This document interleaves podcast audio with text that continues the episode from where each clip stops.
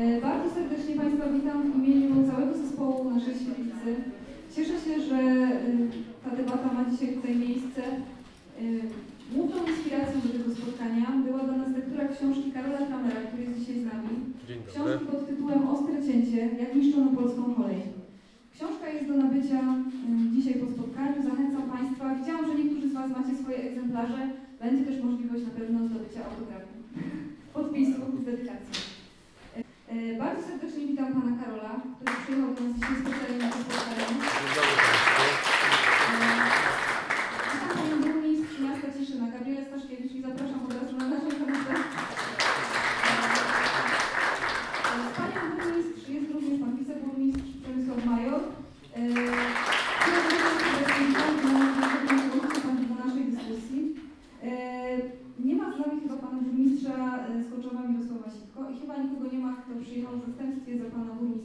Miałam potwierdzenie, że ktoś ze Skoczowa przyjedzie, no niestety chyba do nas nie dotarł, nie miałam informacji dlaczego.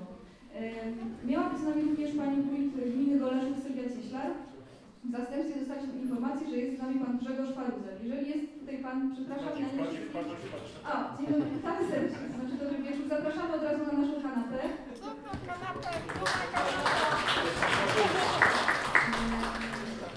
I, I powinien być z nami również pan sekretarz gminy Chybie, Andrzej Góra, którego również e, dzisiaj Jest z nami za to pan e, Jan Poloczek, który od niedawna jest e, odpowiedzialny za transport e, w naszym powiecie.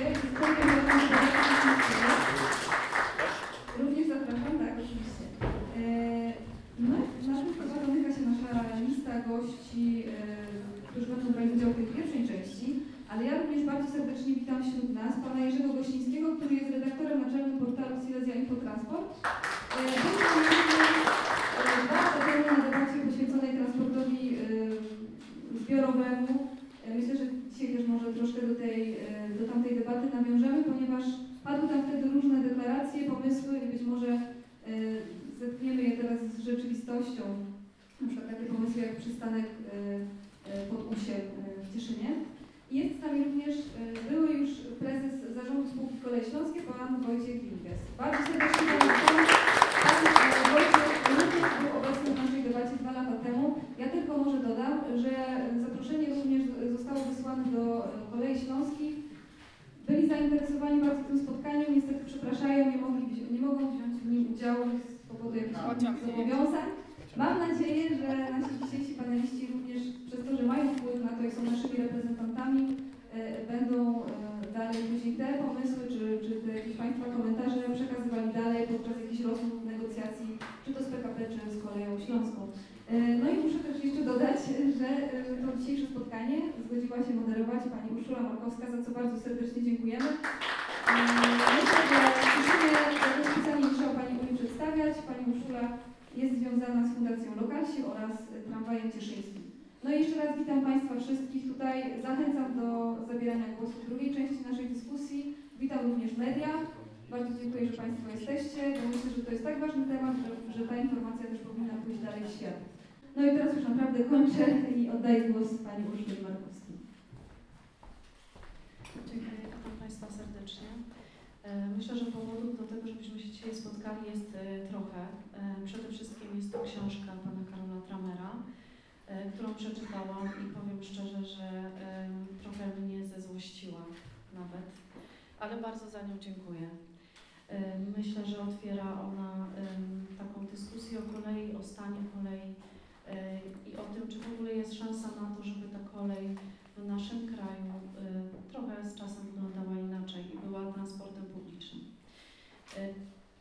Pan Karol jest twórcą i redaktorem naczelnym pisma Słowien Szyn. Jak się przed chwilą dowiedziałam, kiedy zaczął go tworzyć, miał 17 lat. Więc y, myślę, że związany z koleją i pociągami od zawsze.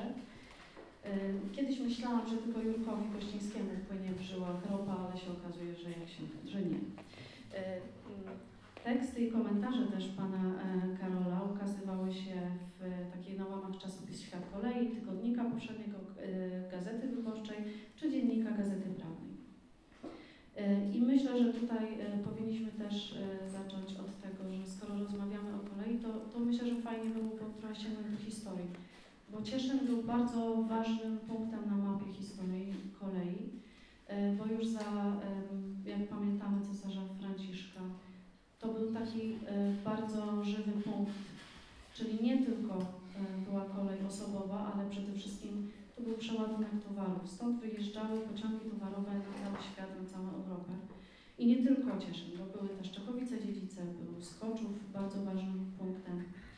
Y, I wprawdzie są to bardzo odległe dla nas czasy i my też pamiętamy, e, myślę, że wiele, wielu z Państwa pamięta taki moment, kiedy faktycznie koleje polskie cieszyły się ogromnym powodzeniem. Wszyscy dojeżdżaliśmy koleją, były przepełnione, wszyscy pamiętamy jak się wsiadało do pociągów, jak się wracało z nadmorza albo z wypadów, że trzeba było czasem przez okno, albo na stojąco, albo na jednej nodze i tak jechaliśmy czasem całą noc, ale były pełne.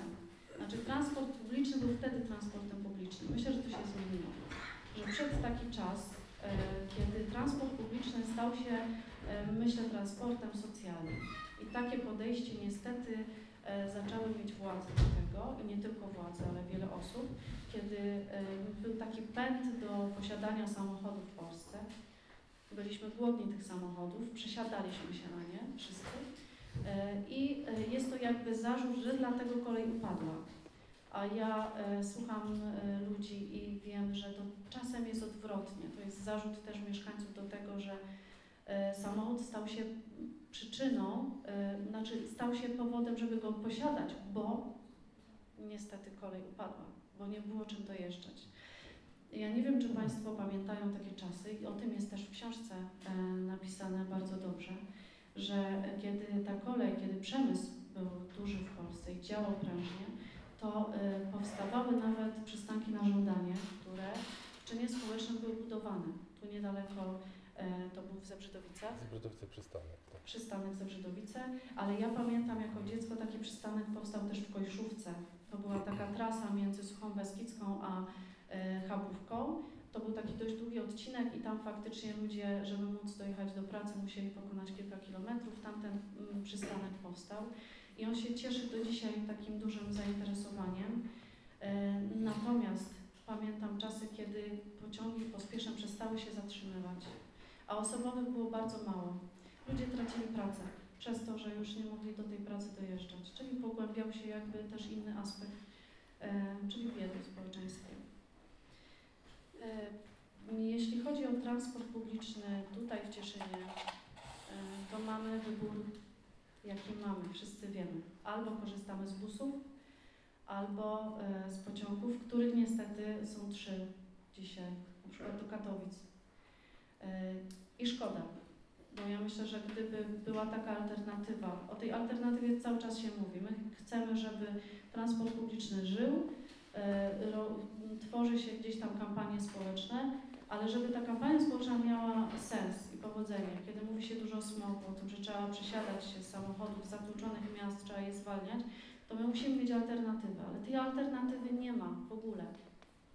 E, więc trudno dziwić się, że ludzie wsiadają do samochodów. Ja pamiętam taką sytuację w tamtym roku, kiedy rozmawiałam z naszym starostą i pytałam go o to, czy jest szansa na to, żeby pójść w kierunku właśnie transportu bardziej kolejowego niż autobusowego, to powiedział mi, no po co? Mamy busy, wystarczy. Kto będzie jeździł tymi pociągami? A kiedy zapytałam go, kiedy całkowicie odebrano nam połączenie na przykład do Chybia w niedzielę i nie mamy się czym kompletnie dostać i mamy tylko i wyłącznie pociągi, trzy dziennie, to powiedział mi, ale przecież wszyscy mają samochody, a ci co nie mają, to mają rodziny. Więc myślę, że taki urzędniczy trochę mm, mur, który spotykamy, e, trochę nam odbiera siłę do tego, żeby też walczyć o, o tą kolej, o to, żeby ona stała się transportem publicznym. E, No i przykre jest też to, że po 22 tak naprawdę trudno z Cieszyna się gdzieś wydostać i do Cieszyna przyjechać. Więc jesteśmy trochę odcięci od świata. Ale żeby nie przedłużać i chciałabym przede wszystkim oddać głos autorowi książki, to zacznę od pytań, jeśli Pan pozwoli. Bardzo proszę. Zajmuje się Pan koleją bardzo szczegółowo, badając funkcjonowanie e, w czasach świetności, ale też po jej upadek. I ta książka jest taką esencją przyczyn upadku PKP. E, Czy był choć cień szansy według Pana oceny, by tego upadku i zniszczeń uniknąć?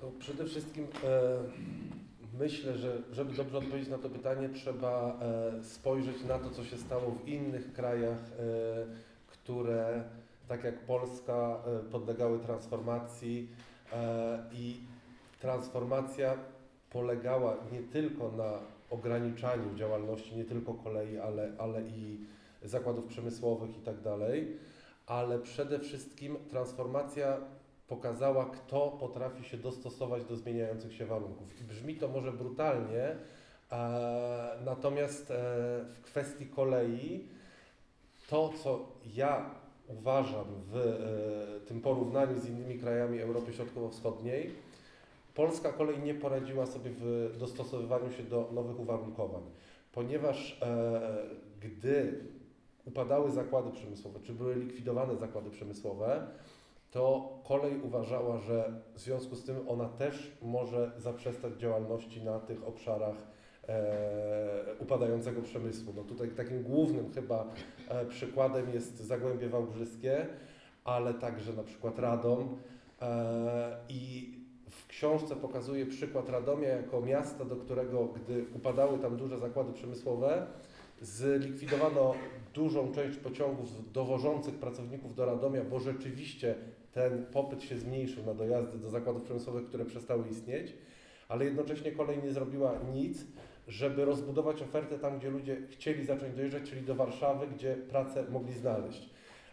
I ten przykład Radomia e, jest przykładem wielu miejsc w Polsce. To znaczy, gdy koleje czeskie, gdy koleje węgierskie e, w dobie ograniczania zatrudnienia bądź likwidacji dużych zakładów przemysłowych, które było stosunkowo łatwo obsłużyć, ponieważ trzeba było dowieść ludzi na konkretną godzinę e, i to były masowe dojazdy na 3 godziny w ciągu, w ciągu doby przy systemie trzyzmianowym, e, a potem robił się problem, bo ludzie już musieli dojechać w różnych kierunkach na różne godziny i z tym polska kolej sobie nie poradziła.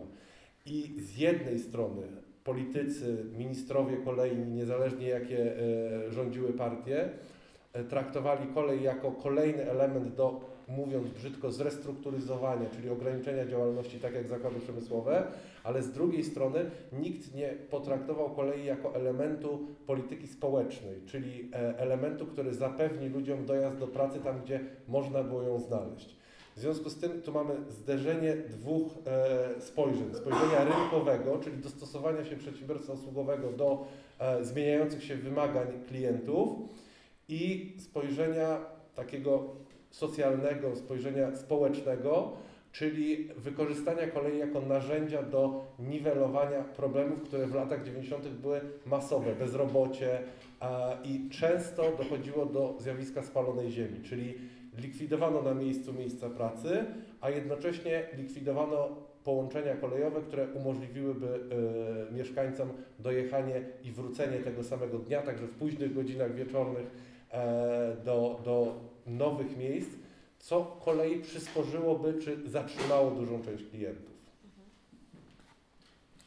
E, Ja się posłużę jeszcze przykładem, e, który jest opisany w książce i bardzo mi się podobał, e, tych przemian w Czechosłowacji, Czech później, e, przykłady, gdzie właśnie nie zmieniano tego systemu, ale wprowadzano oszczędności i w innej formie, czyli puszczano tam szynobusy, oni ich wtedy dość sporo produkowali, e, ale też ograniczali kadrę, która e, była potrzebna, żeby e, gdzieś tam obsługiwać e, te pociągi. Proszę mi powiedzieć, czy to był dobry moment, żeby i czy w ogóle były podejmowane takie próby, żeby w Polsce właśnie zamiast likwidować dane linie, czy był taki pomysł, żeby w ogóle u nas też, do nas też sprowadzić takie szynobusy?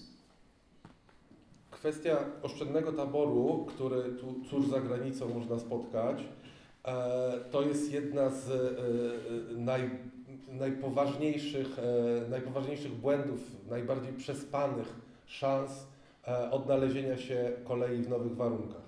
To znaczy w Czechach, w Czechosłowacji, wówczas to już w latach 70. postawiono na program zapewnienia bardzo dużej liczby małego, oszczędnego taboru. E, Polska pomyślała o tym 10-15 lat później niż Czechy i to już było za późno. E, Po pierwsze, to były e, koniec lat 80., czyli czas bardzo dużego kryzysu gospodarczego. E, I ja w książce opisuję te takie rozpaczliwe próby wyprodukowania oszczędnego taboru w Polsce, które na przykład nie wychodziły ze względu na to, że trzeba było zakupić jakieś podzespoły w krajach zachodnich, a była bariera, że nie można było kupować na zachodzie ze względu na barierę dolarową. E, Bardzo chcieliśmy wyprodukować w Polsce taki tabor. Tymczasem e, na przykład Węgry nie siliły się w latach 80. Na, na produkcję własnego taboru, tylko po prostu kupiły takie te słynne motoraki, które jeżdżą w, jeździły w Czechosłowacji i również Węgry kupiły dużą ich liczbę. I Polska, chcąc wyprodukować własny tabor tego typu, no niestety przespała tą szansę. A, były pewne próby, e, czy ze strony czechosłowackiej, czy też ze strony polskiej, e, że może trzeba kupić tabor po prostu, który jest już produkowany z powodzeniem, dosyć prosty w obsłudze, e, w eksploatacji od zakładów w Studence. No ale ta ambicja, żeby wyprodukować własny tabor była silniejsza, no i niestety niewiele z tego wyszło. Wyprodukowano kilka sztuk prototypowych, które były wciąż podlegały awariom e, i ja stawiam tezę, że e, to był jeden z najpoważniejszych e, czynników likwidacji połączeń lokalnych, bo po prostu nie było e, odpowiedniego taboru do obsługi e, linii z małymi potokami podróżnych. E, Dodajmy, że w Polsce w latach 80. modernizacja obsługi taborowej wyglądała tak, że ciężkie parowozy były zastępowane lokomotywami spalinowymi, czyli ciężki parowóz ciągnął jeden, dwa wagony na liniach lokalnych. Modernizacja polegała na zastąpieniu parowozu e, lokomotywą spalinową, która była jeszcze cięższa od tego parowozu, w związku z tym jeszcze bardziej wpływała negatywnie na stan e, linii kolejowej, e, jeszcze większe koszty pochłaniała. W tle stały kryzysy paliwowe, które też odbijały się w Polsce głośnym echem. W związku z tym generalnie modernizacja taborowa e, polskiej kolei połączona z elektryfikacją wielu ciągów w ogóle nie była dostosowana do e, potrzeby kolei lokalnej, e, bo elektryfikacja, która w Polsce była prowadzona na bardzo szeroką skalę, nie wiązała się na przykład z zapewnieniem małego taboru elektrycznego. To znaczy właściwie jedynym e, składem, który był kierowany do linii zelektryfikowanych był skład N57, które do dzisiaj po różnych modernizacjach kursują po polskich torach, ale to był bardzo duży, ciężki pociąg. W związku z tym e, przy jakichkolwiek planach e, modernizacji czy podniesienia pol, polskiej kolei na jakiś wyższy poziom, nie brano pod uwagę kwestii e, linii lokalnych. No i te problemy bardzo szybko, masowo dało sobie znać w latach 90., kiedy po prostu te linie zaczęły znikać jedna za drugą. To był też taki czas właśnie, kiedy oprócz znikających linii znikały też trakcje całe, kilometry e, szyn i wszystkiego innego. Natomiast pytanie, czy w ogóle istnieje szansa odbudowania tych tras, tych linii na nowo, bo wiemy, że to się wiąże z ogromnymi kosztami, których nie ma. E, I, I też pozostaje takie pytanie, czy faktycznie w momencie, kiedy e, państwo i tak pompuje środki z różnych projektów unijnych, w linie, które i tak e, zarabiają, bo wiemy o tym, że takie linie są, czyli te dalekobieżne. E, Czy nie lepiej te środki przerzucić właśnie na to, żeby do tych miejscowości, w których już nie jeździ pociąg od wielu lat, e, te pociągi mogły wrócić? No na pewno Polska stoi teraz przed wyzwaniem przywrócenia ogólnokrajowego charakteru sieci kolejowej, bo to, co się stało w poprzednich dekadach, e, spowodowało, że duża część dużych miast w ogóle nie ma połączenia kolejowego. No chociażby pobliskie Jastrzębie Zdrój, które jest największym miastem pozbawionym połączeń kolejowych w Polsce, ale e, także Łomża, Bełchatów, to są miasta, do których nie da się dojechać pociągiem i to jest sytuacja niespotykana w Europie, żeby tak duże miasta były pozbawione obsługi kolejowej. No spotykana może jest y, na Cyprze, który w ogóle nie ma kolei, ale w Europie kontynentalnej tak dużych miast pozbawionych połączeń kolejowych nie ma. Tak więc rzeczywiście nacisk e, e, e, funduszy, przedsięwzięć Unii Europejskiej, moim zdaniem w większym stopniu powinien być nastawiony na odbudowę, rewitalizację linii kolejowych do tych dużych, kilkudziesięcio czy prawie stutysięcznych y, ośrodków, które kolei nie mają. Ponieważ w Europie generalnie kolej działa tak, że e, obsługuje ośrodki do pewnego pułapu. E, no, trudno znaleźć miasta w Europie, które mają więcej niż e, dwadzieścia kilka tysięcy mieszkańców i e, do najbliższej linii kolejowej mają nawet kilkadziesiąt kilometrów. Myślę tu o Łomży na przykład. E, I w związku z tym no, to jest bardzo poważne wyzwanie. Jeśli chodzi o rozdysponowanie e, środków unijnych, no to model jest dosyć rozsądny, to znaczy główne ciągi są modernizowane z e, ogólnokrajowych funduszy, z programu operacyjnego Infrastruktura i Środowisko przede wszystkim. E, Natomiast każdy samorząd województwa ma regionalny program operacyjny, który właśnie to zostało stworzone z taką myślą, aby e, te linie, które nie mają szansy na, na e, modernizację z tych ogólnokrajowych funduszy, również mogły liczyć na, na lepszy czas. Tutaj w województwie śląskim akurat z Regionalnego Programu Operacyjnego e, e, podpisana została umowa w październiku e, w, na modernizację tych tutaj ciągów z Cieszyna do Goleszowa, do Wisły i, i do, do linii Czechowice-Dziedzice, Zebrzydowice. E, No i to jest jeden z takich elementów, które właśnie powinno się realizować, no bo to też samorządom wojewódzkim powinno zależeć na, na e, tym, żeby ta sieć kolejowa również znaczenia bardziej regionalnego mogła liczyć na e, swój nowy, pozytywny czas. Natomiast już skupiając się na tym konkretnym przykładzie e, tej modernizacji, no dla mnie dużym zaskoczeniem jest to, że e, nie objęto nią e, linii z Bielska Białej do Skoczowa, ponieważ mija 10 lat od e, likwidacji połączeń na, na tym ciągu.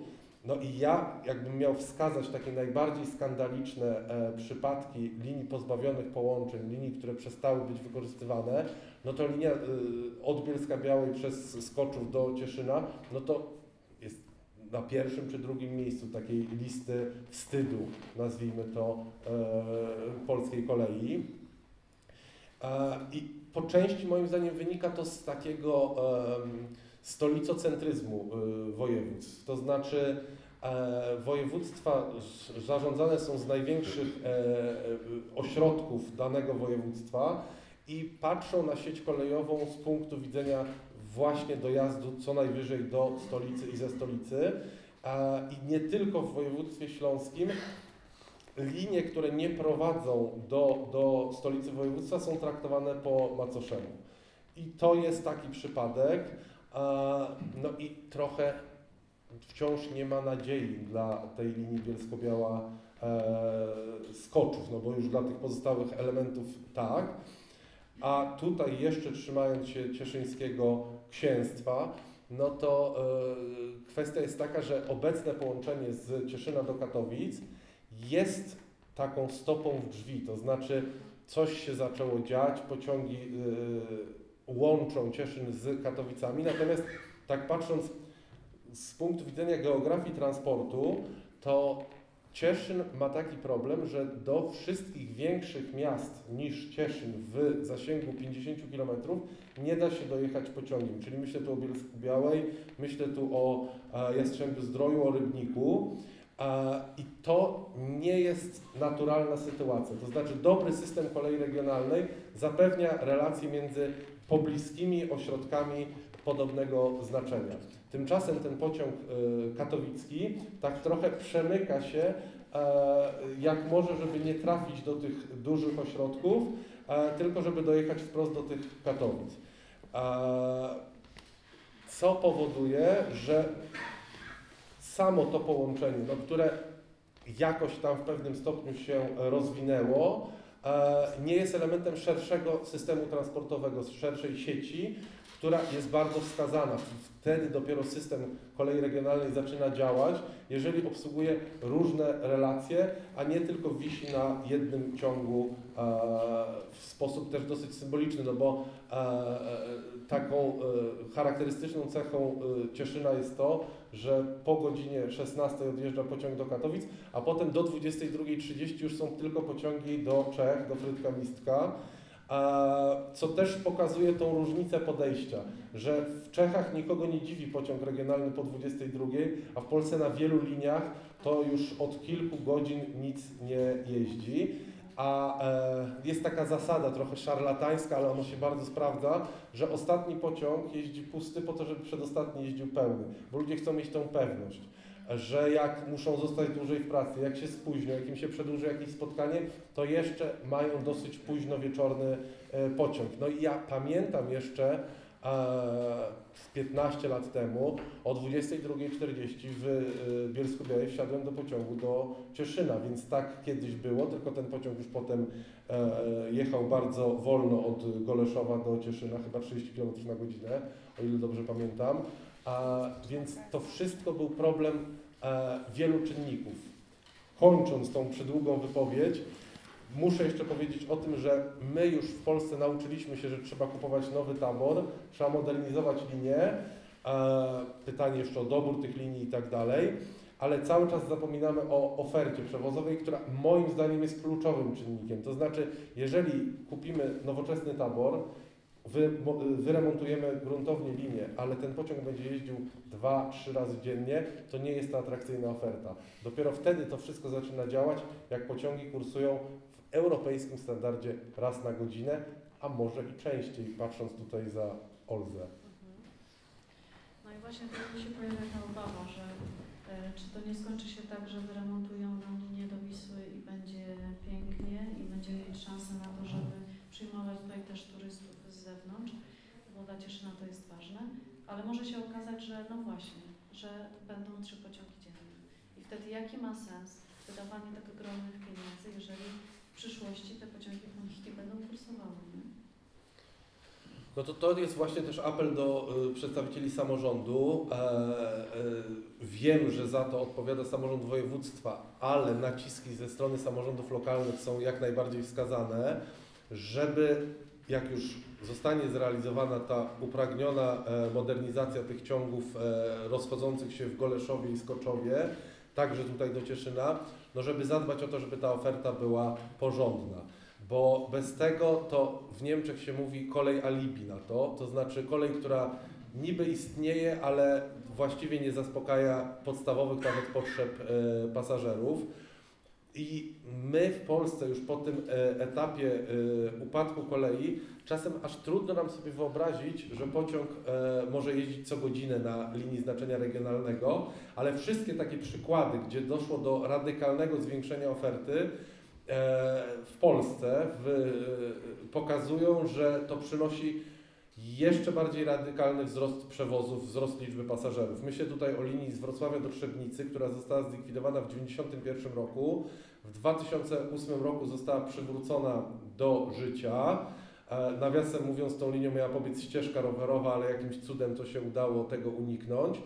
E, I od 2008 roku stopniowo zwiększana jest oferta, e, liczba połączeń. Obecnie pociągi kursują co godzinę między Trzebnicą a Wrocławiem i ta linia, która przez dwie dekady nie funkcjonowała, teraz mamy tam problem, że ludzie nie mieszczą się do pociągów. E, I właściwie jest potrzeba zwiększenia częstotliwości do co pół godziny, tylko wymaga to zbudowania mijanki na tej e, linii. E, Po, też przykład linii Poznań-Wągrowiec, na której już pociągi miały zostać zlikwidowane, były oznaczone w rozkładzie jazdy informacją kursuje do odwołania i tam też samorząd województwa w ramach Regionalnego Programu Operacyjnego zrealizował przebudowę, y, zakupił nowy tabor, znacząco skrócił czas pociągów, czas jazdy pociągów dzięki tej modernizacji i tam doszło do takiej sytuacji, że e, dwukrotne zwiększenie liczby pociągów niemal natychmiast dało 3,5-krotne zwiększenie liczby pasażerów. To znaczy, e, wydaje się, że w wielu miejscach w Polsce pasażerowie wręcz czekają na renesans kolei i jak tylko ta kolej stworzy atrakcyjną ofertę, w przypadku linii z Wągrowca do Poznania mamy między siódmą a ósmą trzy pociągi w godzinie e, i dzięki tak atrakcyjnej ofercie ludzie, którzy wiele lat nie jeździli pociągami, bardzo szybko sobie przypomnieli, gdzie jest stacja kolejowa e, i że koleją warto e, podróżować. Tak więc trochę apeluję też o to, żeby przełamać w sobie tą mentalną barierę, bo my czasem sami aż nie wierzymy, że pociąg co godzinę wypełni się pasażerami. Tymczasem trochę tutaj e, e, działa zasada im więcej, tym więcej. E, właśnie im więcej pociągów, tym więcej pasażerów, bo e, jeden pociąg na e, kilka godzin nie przyciągnie pasażerów, ale już gęsta oferta powoduje, że ludzie nagle z podziemi wyrastają w tych pociągach bardzo szybko. To jest bardzo szybki efekt, ale kolejny problem jest taki, żeby e, dać tym liniom kolejowym czas na przyjęcie się w świadomości społecznej. Bo są niestety miejsca w Polsce takie, że zanim na dobre rozbuduje się ofertę, to już ocenia się, że e, mało ludzi korzysta i zaczyna się cięcie tej oferty. Mamy do czynienia z tym w województwie podkarpackim. E, wydawało się, że kolej zaczyna stopniowo wracać w Bieszczady. E, uruchomiono dość niewielką liczbę połączeń i na tym się zatrzymano. Zaczęto oceniać e, powodzenie oferty przewozowej na podstawie jej małej atrakcyjności, która nie przyciągnęła dużej liczby pasażerów i zamiast iść dalej, zaczęto robić kroki wstecz. Ja jeszcze chcę zapytać o jedną rzecz. E, mm, wszyscy wiemy, e, w kolei powstały spółki, które są odpowiedzialne za e, różne rzeczy, różne czynniki. Jedni są odpowiedzialni za szyny, inni za peron, inni za kosze na śmieci, jeszcze ktoś jest inny od- odpowiedzialny za budynek, a jeszcze ktoś inny za drzewa, czy przy, rosnące przy torach, czy chociażby ubikacje. Pojawia się tutaj taki problem, że bardzo trudno tym wszystkim spółkom się dogadać. Już nie mówiąc o tym, że w ogóle jest podział e, na śląskie, ta spółka, tamta spółka ma inne trasy, ta ma inne. Więc gdzieś tutaj cały czas widzę takie zgrzytanie też rozmawiam z różnymi wójtami burmistrzami, którzy mówią, że przychodzi taki moment, że trzeba coś załatwić właśnie w spółkach i to jest taka droga przez mękę, a nasza do Kajfasza i nigdy nie wiadomo, do kogo to tak naprawdę należy. Czy myśli Pan, że to jest taki dobry moment? I czy to w ogóle jest możliwe jeszcze u nas w Polsce na tym etapie? Żeby powstała centralizacja, e, która odpowiada jednymi ustawami, jednymi przepisami e, za wszystkie budynki, za wszystkie, e, za to wszystko, co należy do kolei. No uważam, że jest to już na tym etapie niemożliwe, ale co więcej, uważam, że nie jest to konieczne. Ja nie jestem z tej frakcji, która uważa, że wszystko co złe na kolei wynika z podziału na spółki, bo koleje na spółki podzieliły się właściwie wszędzie.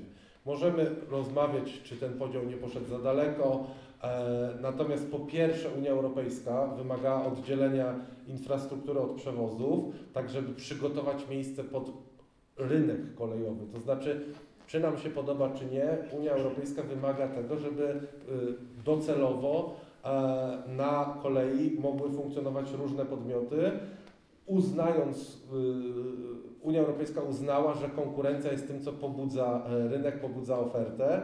E, No i taką przyjęto, e, wdrażaną stopniowo w kolejnych pakietach kolejowych. Też inna e, dyskusja jest, na ile poszczególne kraje wdrażają to, a na ile wymyślają różne rozwiązania. No na przykład w Polsce mamy taką sytuację, że jak ktoś chce uruchomić pociąg bez dotacji, to musi uzyskać zgodę Urzędu Transportu Kolejowego, który analizuje, czy to nie zaszkodzi pociągom, które mają dotacje. W związku z tym na głównych trasach mamy trochę zablokowane zablokowaną sytuację, to znaczy ewidentnie PKP Intercity, które jest tym państwowym przewoźnikiem dotowanym, nie radzi sobie z zaspokojeniem, e, z odpowiedzią na dużą mobilność w polskim społeczeństwie na tych głównych trasach, to znaczy bardzo często kilka dni przed podróżą już nie można kupić miejscówki, czyli widać, że ten popyt jest.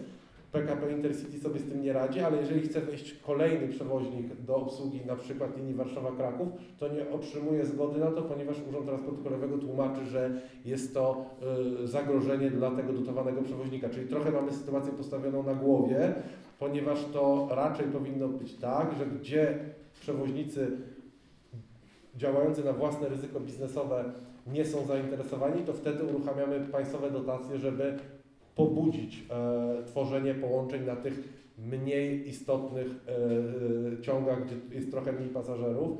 No i znowu przykład z zagranicy.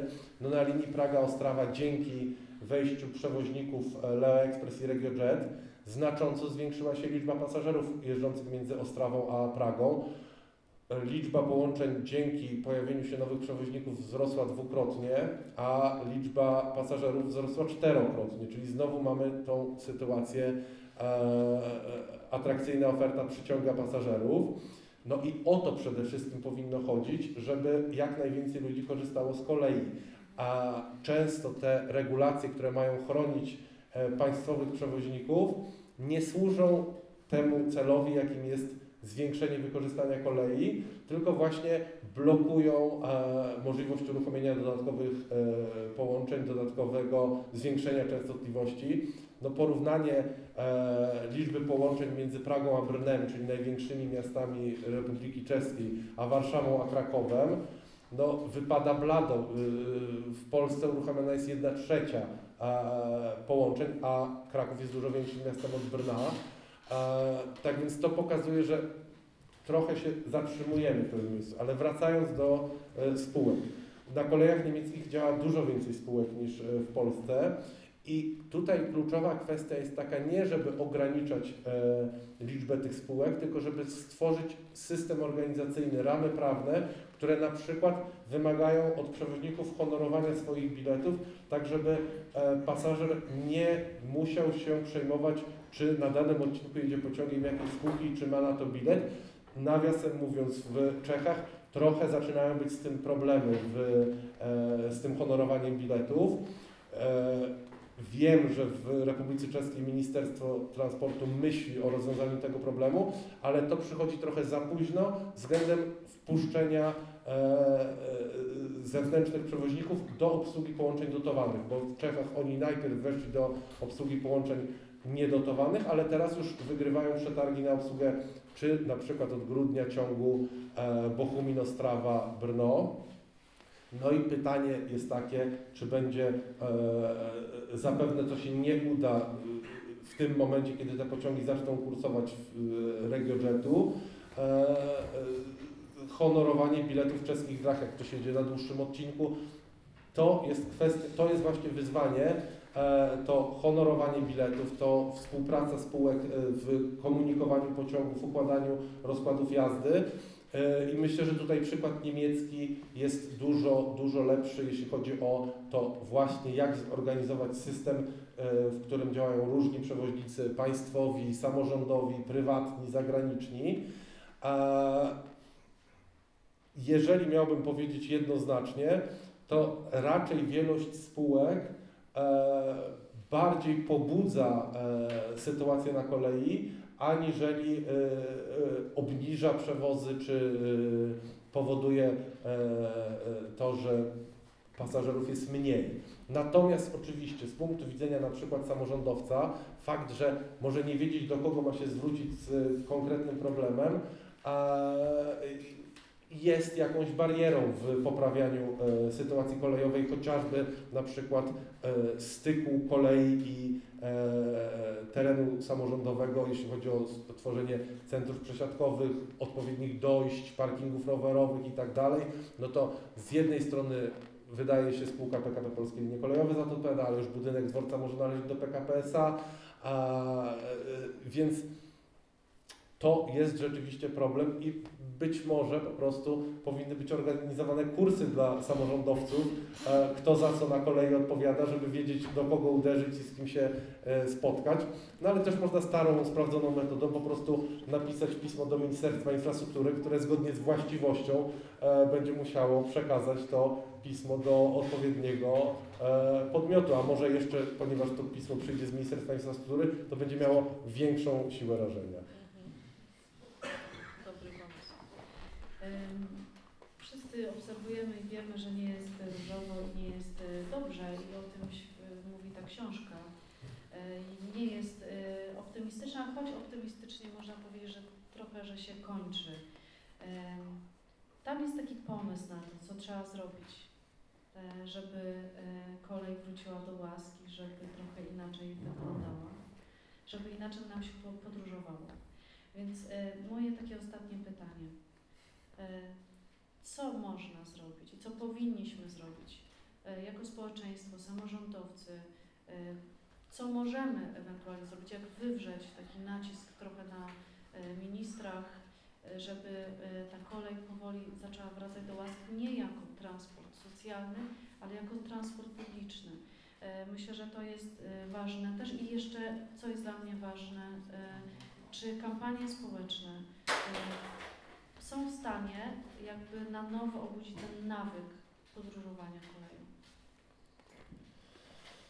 Jak powiedział y, burmistrz Bogoty, bogate społeczeństwo to nie jest takie, gdzie wszyscy mają samochody, tylko bogate społeczeństwo to jest tak, takie, gdzie bogaci jeżdżą transportem publicznym. I ta myśl powinna nam przyświecać. To znaczy, ja bardzo często spotykam się z e, społecznościami lokalnymi i czy też moi znajomi, którzy organizują jakieś spotkania e, ze społecznościami lokalnymi, donoszą mi, że y, jeżeli jest spotkanie na temat problemów ogólnych społeczności lokalnej, głównie w małych miastach i na terenach wiejskich, to od kilku lat główny zgłaszany problem to jest transport publiczny, likwidacja połączeń y, autobusowych. Po czym idzie się do wójta, starosty i on mówi, że nie ma takiego problemu, bo wszyscy mają samochody. I tu jest takie pewne e, e, rozdwojenie. Natomiast na jakim my jesteśmy teraz etapie? Ewidentnie rząd e, wyczuł to, co społeczności lokalne mówią. To znaczy, że jest problem z funkcjonowaniem transportu publicznego. Nie bez przyczyny rząd mówi o odbudowie PKS-ów i inna sprawa, jak to w praktyce wychodzi, ale moim zdaniem, że tak pobawię się w analityka politycznego, nie do końca chodziło o to, żeby to zaczęło działać, tylko chodziło o to, żeby powiedzieć ludziom to, co jest ich problemem, czyli nie jest tajemnicą, że Prawo i Sprawiedliwość ma bardzo dobre badania opinii publicznej, badania tego, co dla ludzi jest ważne i na różnych etapach, przed kolejnymi wyborami zwłaszcza, e, podnosi te problemy. I to, że pojawił się najpierw przed wyborami samorządowymi program Kolej Plus, od wyborów samorządowych minął już rok, a programu Kolej Plus nie ma. To była taka wrzutka przed wyborami samorządowymi, po czym okazało się, że no, żeby program był wdrożony, to musi być przyjęty ustawą. Dopiero teraz się mówi, że już ta ustawa prawie jest gotowa. Potem przed e, wyborami europejskimi pojawił się e, Fundusz Odbudowy e, Połączeń Autobusowych i to wszystko nam pokazuje, że rząd świetnie rozumie, co dla ludzi jest problemem. No ale jak to w polityce bywa, w takim marketingu politycznym, bardziej chodzi o to, żeby komuś pokazać, wyborcom pokazać, co jest dla nich problemem i że my to rozumiemy i wiemy, jak to zrobić. Politycy regularnie powtarzają frazę wiemy, jak to zrobić, a w praktyce nie bardzo wiedzą, jak to zrobić. E, I dlaczego o tym mówię? To nam pokazuje, że klasa polityczna, szczególnie ta na centralnym szczeblu, już zrozumiała, jaki jest problem. I to jest przełomowy moment, bo jeszcze kilka lat temu trzeba było przekonywać klasę polityczną, że to jest problem. Teraz już klasa polityczna wie, że to jest problem. No i to jest taka, e, bym powiedział, przeskoczenie już tej przepaści mentalnej. E, no ale teraz e, klasa polityczna powinna się nauczyć, jak te problemy rozwiązywać.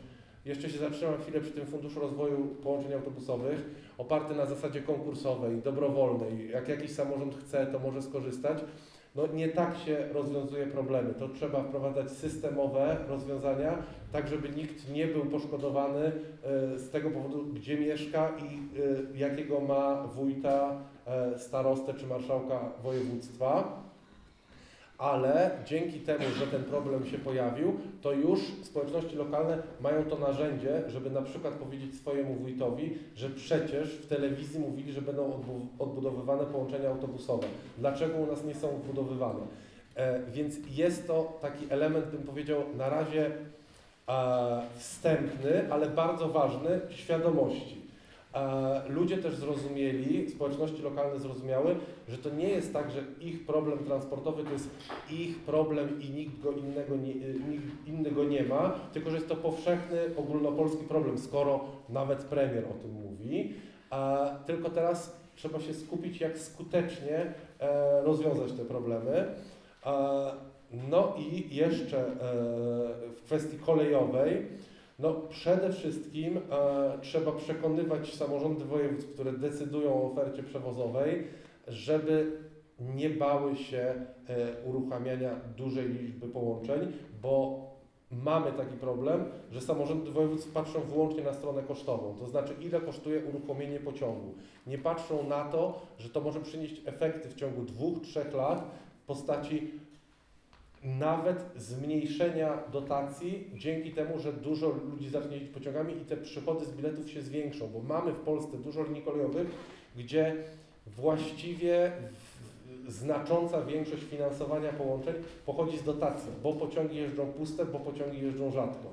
A w sytuacji, kiedy system kolejowy zaczyna działać, pociągi jeżdżą często, wypełniają się ludźmi, zmniejsza się ta e, e, udział dotacji w finansowaniu e, połączeń kolejowych i w efekcie pojawiają się środki na kolejne przedsięwzięcia, czyli uruchamianie połączeń na kolejnych liniach, nawet przy tym niezmienionym poziomie dotacji. No i to cały czas są takie mentalne problemy, które trzeba przeskoczyć i nauczyć osoby odpowiedzialne za transport publiczny, że e, to nie jest tak, że y, dodatkowe połączenie to są wyłącznie koszty, nie mówiąc już o tym, e, że to też daje na przykład możliwość zatrzymania mieszkańców u siebie.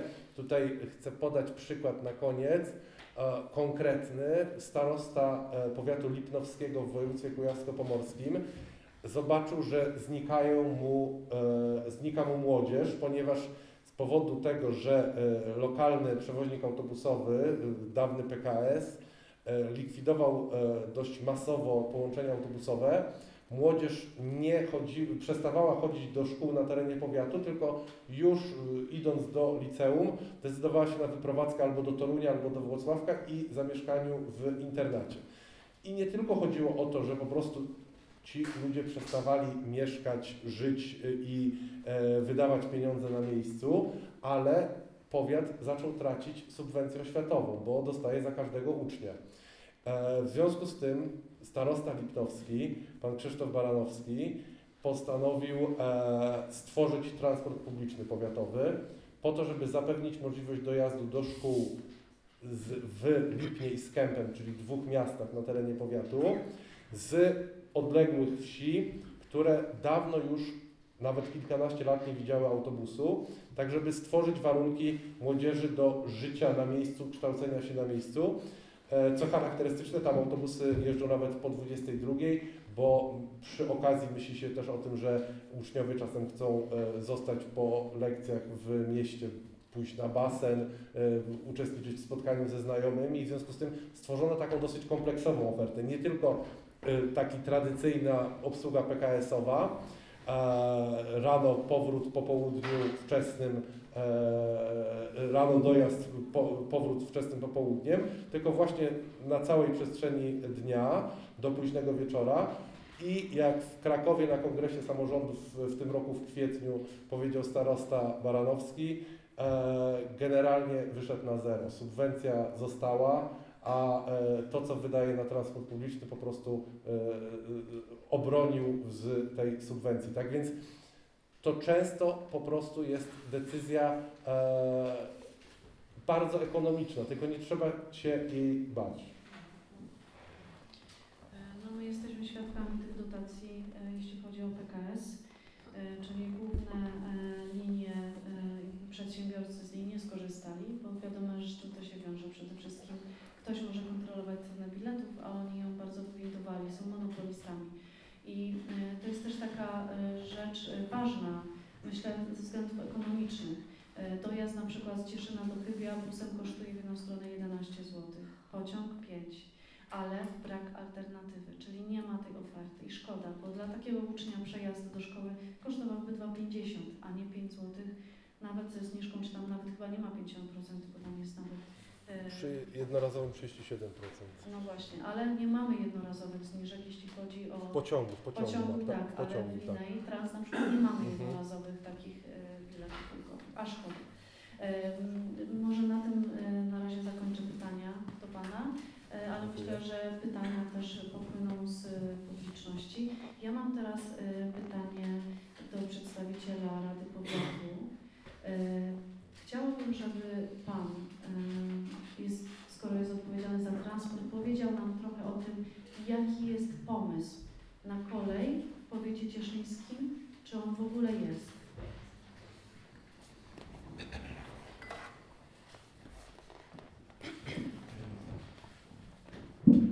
Dobry wieczór Państwu. Nazywam się Jan Poloczek i członkiem zarządu powiatu jestem niecały miesiąc, także jeszcze bardzo krótko.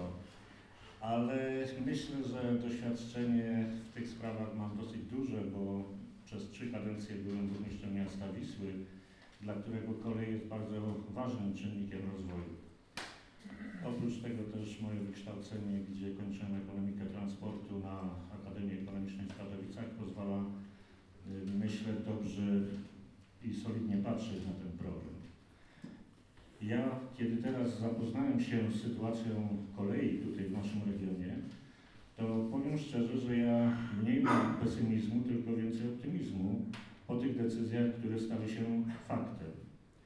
Ponieważ y, to już jest faktem, że pewne rzeczy się dzieją na linii do Wisły, do Cieszyna, i wszyscy musimy pilnować, żeby jeszcze to, co Pan tutaj powiedział, żeby dokończyć to dzieło, żeby linia Skoczów-Bielsko była znowu tą li- linią priorytetową, która by łączyła i Cieszyn z Bielskiem, i Wisłę z Bielskiem poprzez to Chybie.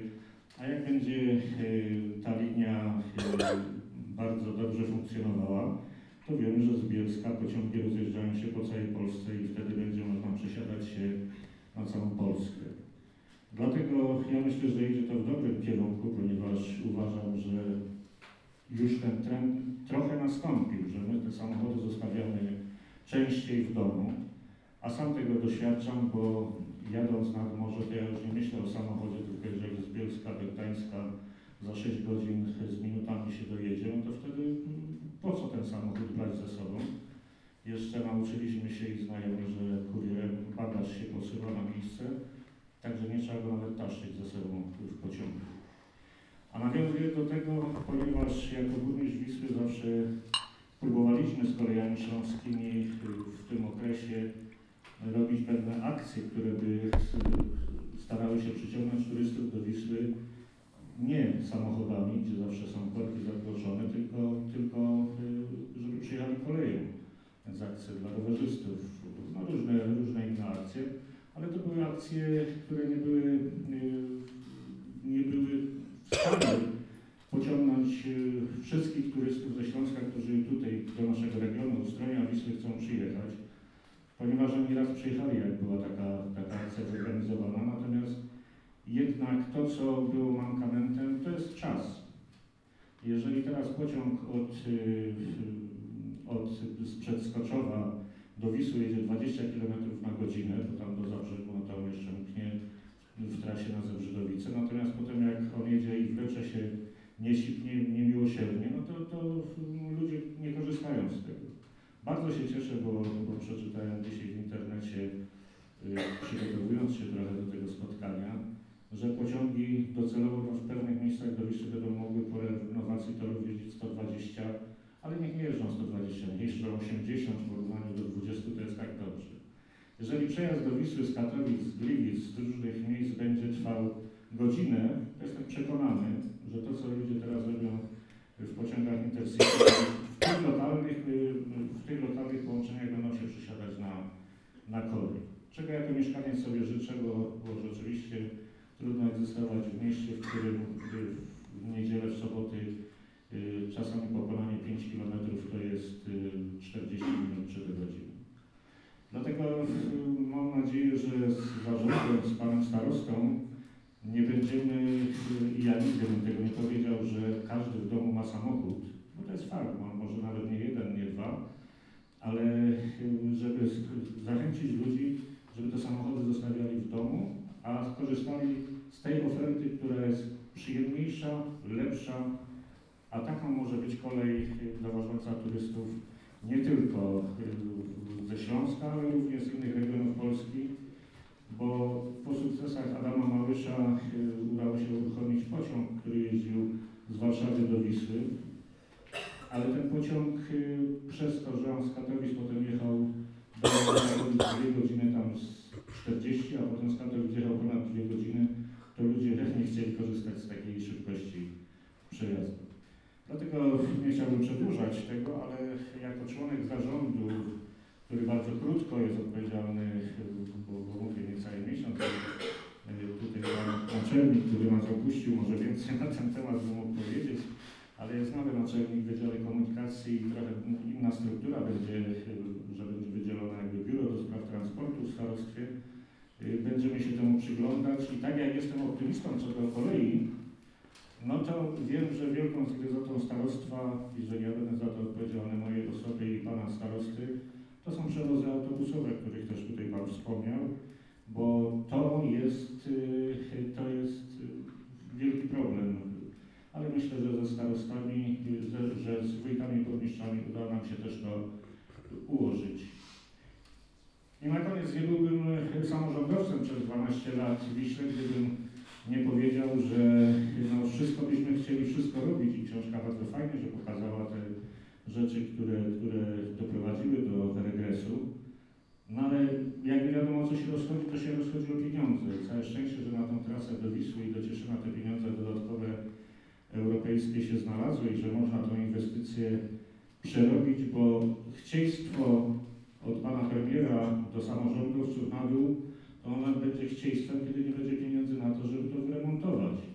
Natomiast ministrowie, którzy politykę y, prowadzą, to uważam, że tylko mają się przyglądać w tym, tym miejscom, gdzie y, to jest już dobrze zorganizowane, bo pracowałem do 98 po czeskiej stronie w Petrowicach i tam jeszcze nie było przemian, a tamte szynobusy już jeździły sobie do Dmarowice, y, Karolina i to wszystko już tam wtedy chodziło i, i rzeczywiście ja myślę, że postawienie takiego szynobusa na linii Bielsko-Cieszyn, Skoczów, y, Bielsko, gdzie tylko jeden, tak jak w autobusie jeden człowiek to obsługuje, to wtedy można częstotliwość zwiększyć, że on może w ciągu godziny jeździć więcej. Więc tu nie ma co myśleć i wymyślać jakichś nowych rzeczy, tylko cieszyć się z tego, że inwestycje na kolei są bardzo duże i ludzie na dalekich trasach się przesiadają na kolej, to ja to obserwuję i sam to, sam to czynię.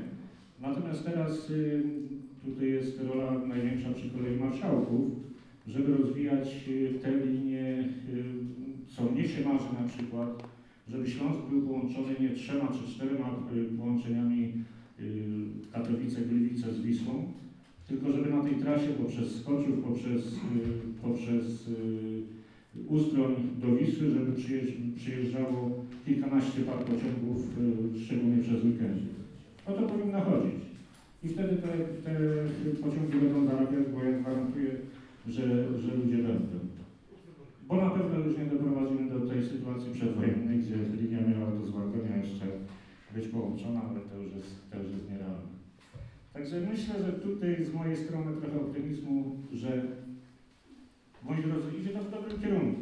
Tylko żeby tak państwo trzymało poprzez swoje struktury i żeby urzędy marszałkowskie, które, które są znowu w tych regionalnych tutaj też miały i środki, i odwagę na to, żeby to, co Pan powiedział, żeby nie bać się uruchamiać tych dodatkowych linii, bo jeżeli one będą w tym przyzwoitym technicznym poziomie i, i, i czystości, które na dalekobieżnych liniach są, to ta nasza kolej z powrotem wróci na, że tak zakończę, na dobre tory. Dziękuję. Dziękuję bardzo. Ja mam teraz jeszcze pytanie do naczelnika, przez to, że przez wiele lat pan się zajmował transportem. E, Chciałabym, żeby pan powiedział, e, na ile realne jest, e, bo już wiemy, że linia zostanie uruchomiona, na ile realne jest utrzymanie takiej ciągłości tej oferty? Czy ona jest w ogóle możliwa? Czy, może, czy możemy liczyć na to, że za parę lat e, będziemy częściej jeździć pociągami niż busami?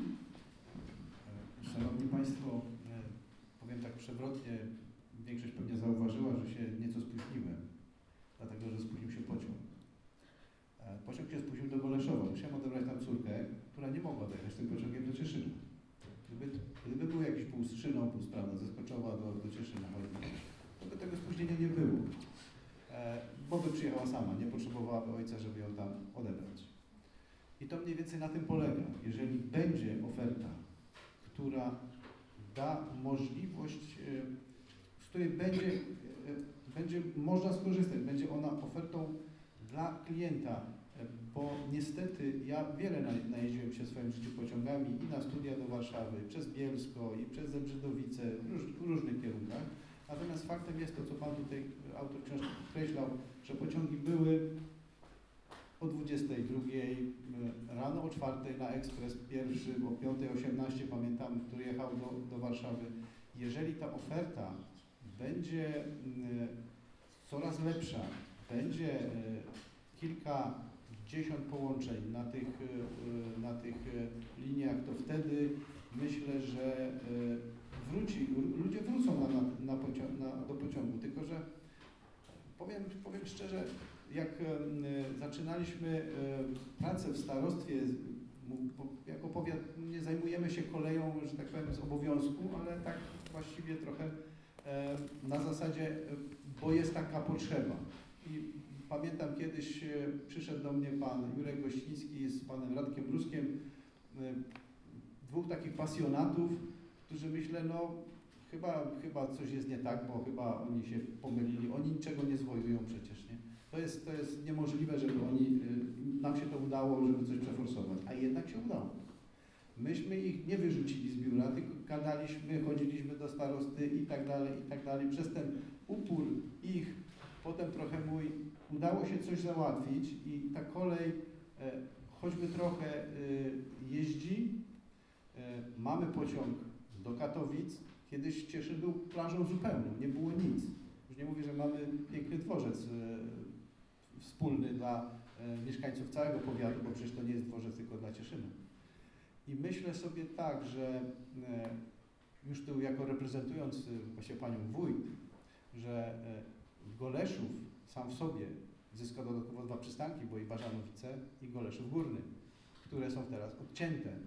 I, I to też jest jakieś znaczenie, bo wiemy, że w Bażanowicach jest e, y, jest wiele zakładów pracy, gdzie ludzie dojeżdżają, mogą dojechać pociągiem w tym momencie. Jeżeli tego pociągu nie ma, no to siłą rzeczy y, ludzi dowozi y, autobus.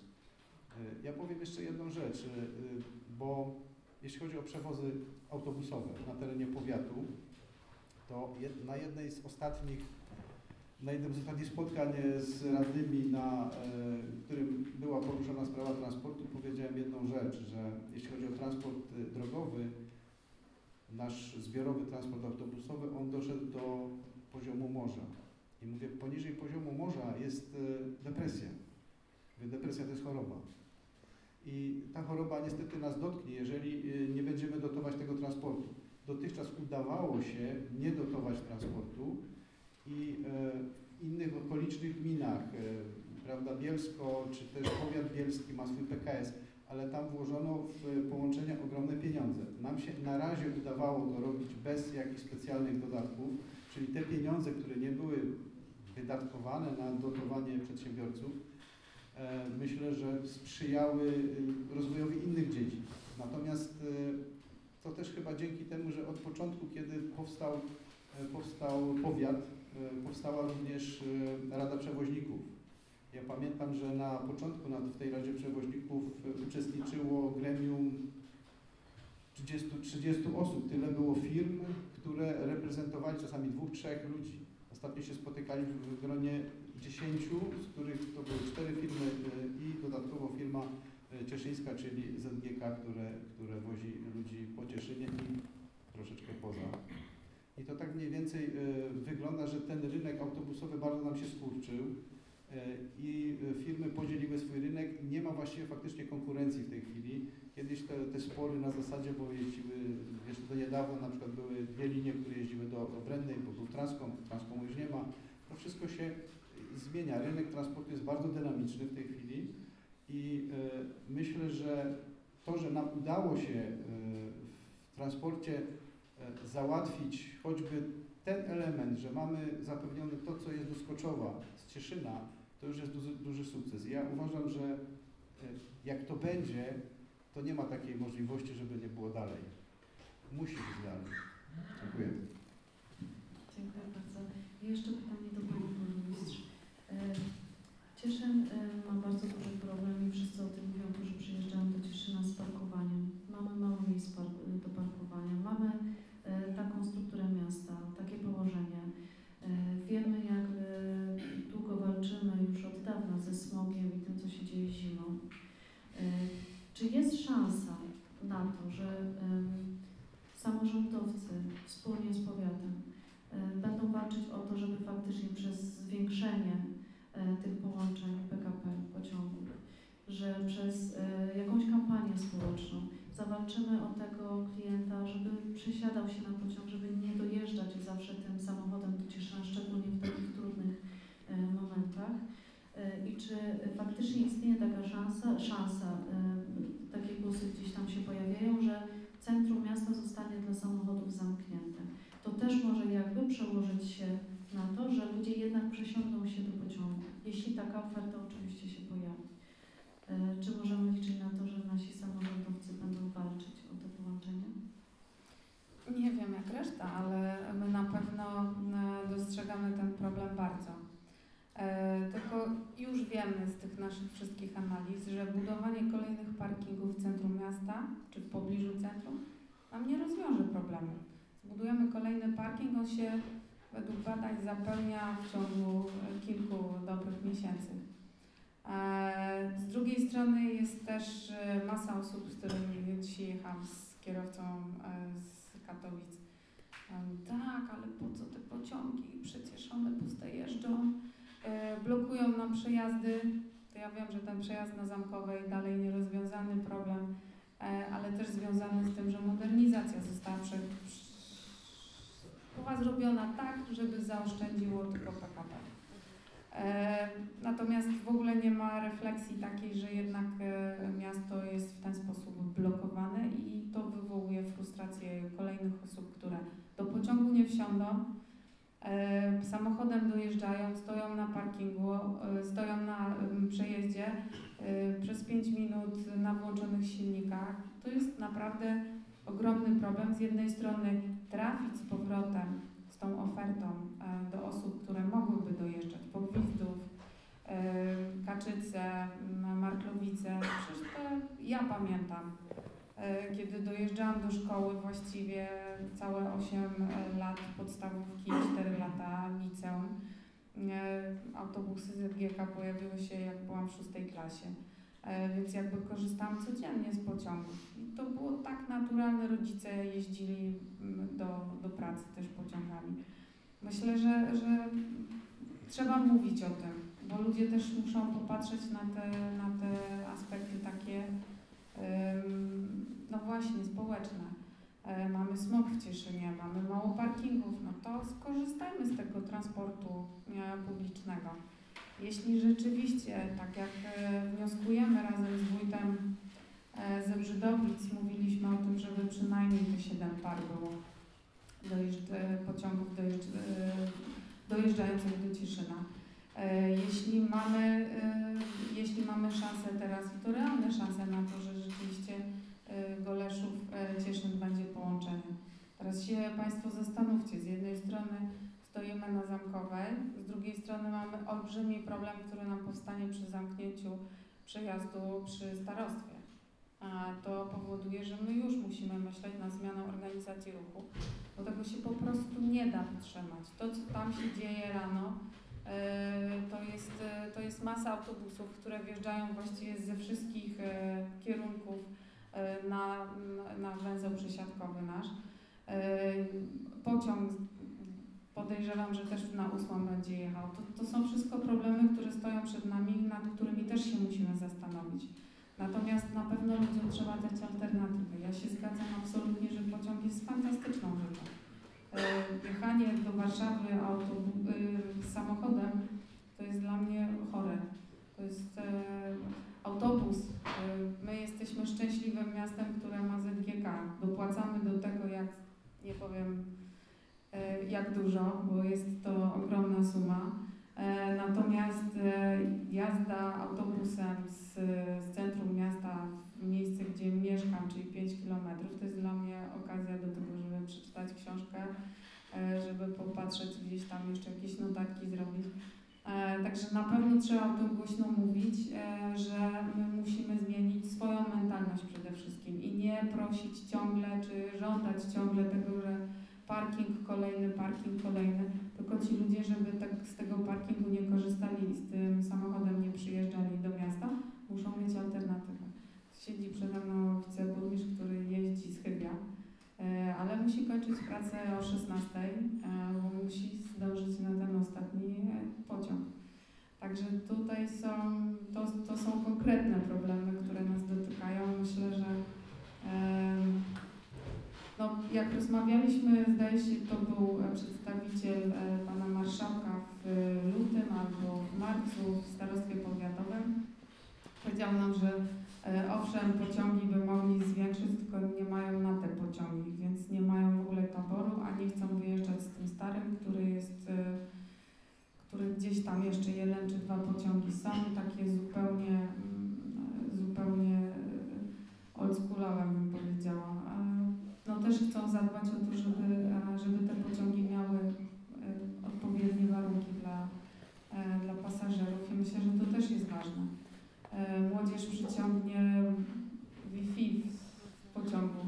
No ja podejrzewam, że to jest, e, to jest jeden z takich czynników, które, no może to jest jakiś PR tego, tego PKP, ale dlaczego nie? E, Wielokrotnie w poprzedniej pracy miałam okazję jeździć na spotkania do Pragi, z czeskiego Cieszyna. Wszyscy nam zazdroszczą. 3,5 godziny i jest się na chladni na draży w Pradze, w centrum miasta.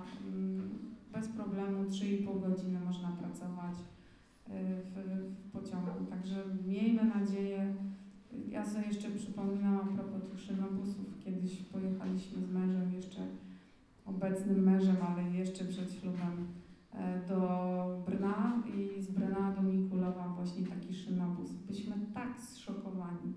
To były lata 92, 3, e, kiedy kupiliśmy na dworcu w czeskim Cieszynie e, bilet. Pani nam wytłumaczyła po kolei, tam były chyba trzy przesiadki do tego, do tych pasochlawek. Wszystko nam wytłumaczyła. E, Wysiadało się, wsiadało się e, w ogóle na stacjach, ludzie spędzali tam czas, więc ja już wspomnę o takich rzeczach jak sałatki nawet, które były w barze tam do zjedzenia. Tutaj nikt nie miał odwagi wejść nawet do tego baru na, na dworcu bo się, i zjeść cokolwiek. Są takie, ta, takie wspomnienia i też wtedy rozmawialiśmy, że Boże, jak to jest możliwe, a w tym pociągu w ogóle z, z, z Ostrawy do Brna, to spotkaliśmy Polkę, która nam powiedziała, ile zapłaciła za, ten, za to połączenie, za ten bilet e, z Polski. E, więc to była cena czterokrotnie wyższa. Czyli ten odcinek Polska, e, Ostrawa i potem Ostrawa, Brno, to, to, było, to było coś kosmicznego. Także nie mamy Myślę, że nie korzystamy z tego, co już inni wymyśleli. No tu nie ma tajemnic. Jest e, Deutsche Bahn, jest, jest czeskie drachy. E, Mamy dobre praktyki i zamiast tego korzystać, to my się staramy, tak jak Pan powiedział, wymyślać własny szynobus, bo to będzie polski albo narodowy jeszcze. Nie, skorzystajmy z tego, co mamy i spróbujmy, e, spróbujmy to tak ułożyć, żeby to tak hulało jak za tą naszą czeską granicą. Także tyle. My jesteśmy bardzo zadowoleni, że się udało i to też była ogromna praca, bo właściwie wszystkie samorządy podjęły uchwały, które trafiły na biurko e, wszystkich marszałków, ministrów i tak.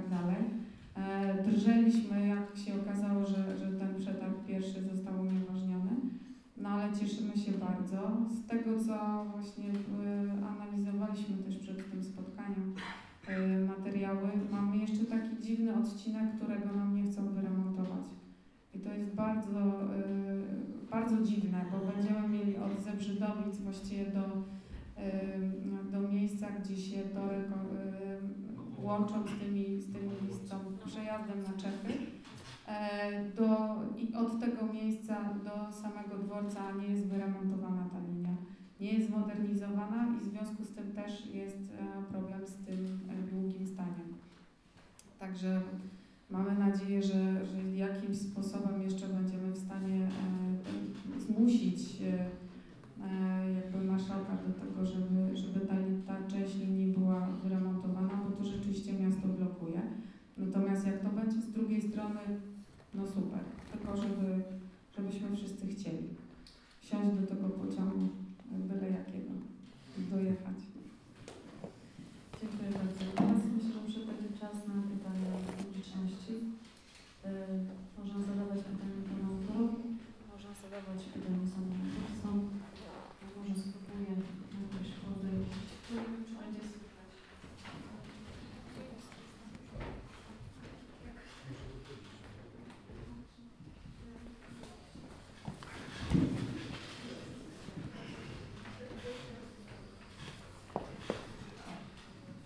Dzień dobry, Daniel Kazimierczak, e, mieszkaniec Cieszyna. Były prezes Cieszyńskiego Stowarzyszenia Mieszków Kolei w latach 2008-2012. W swoim czasie też nie działaliśmy. E, Niejednokrotnie byliśmy w, w ratuszu, w starostwie w sprawie rewitalizacji kolei i tak dalej. Tam nam nazbierano, że to jest w cudzysłowie w języku młodzieżowym obcia, gdzie tam kolej, przecież wszyscy mają samochody, po co wam kolej, macie ekspresówkę do Cieszyna z Bielska Białej. Yy, Ja tutaj tak mam pytanie może właściwie do przedstawicieli gospodarców w cudzysłowie yy, powiatu, miasta i tak dalej. Wiadomo, że pociągi, yy, jest ich tyle ile jest, są drogie, nie ma pieniędzy na to, żeby było więcej, trzeba wszystko czasu wymaga. Czy byłoby może ewentualnie rozwiązanie jakieś takie, żeby się komunikacja autobusowa rozwijała z koleją?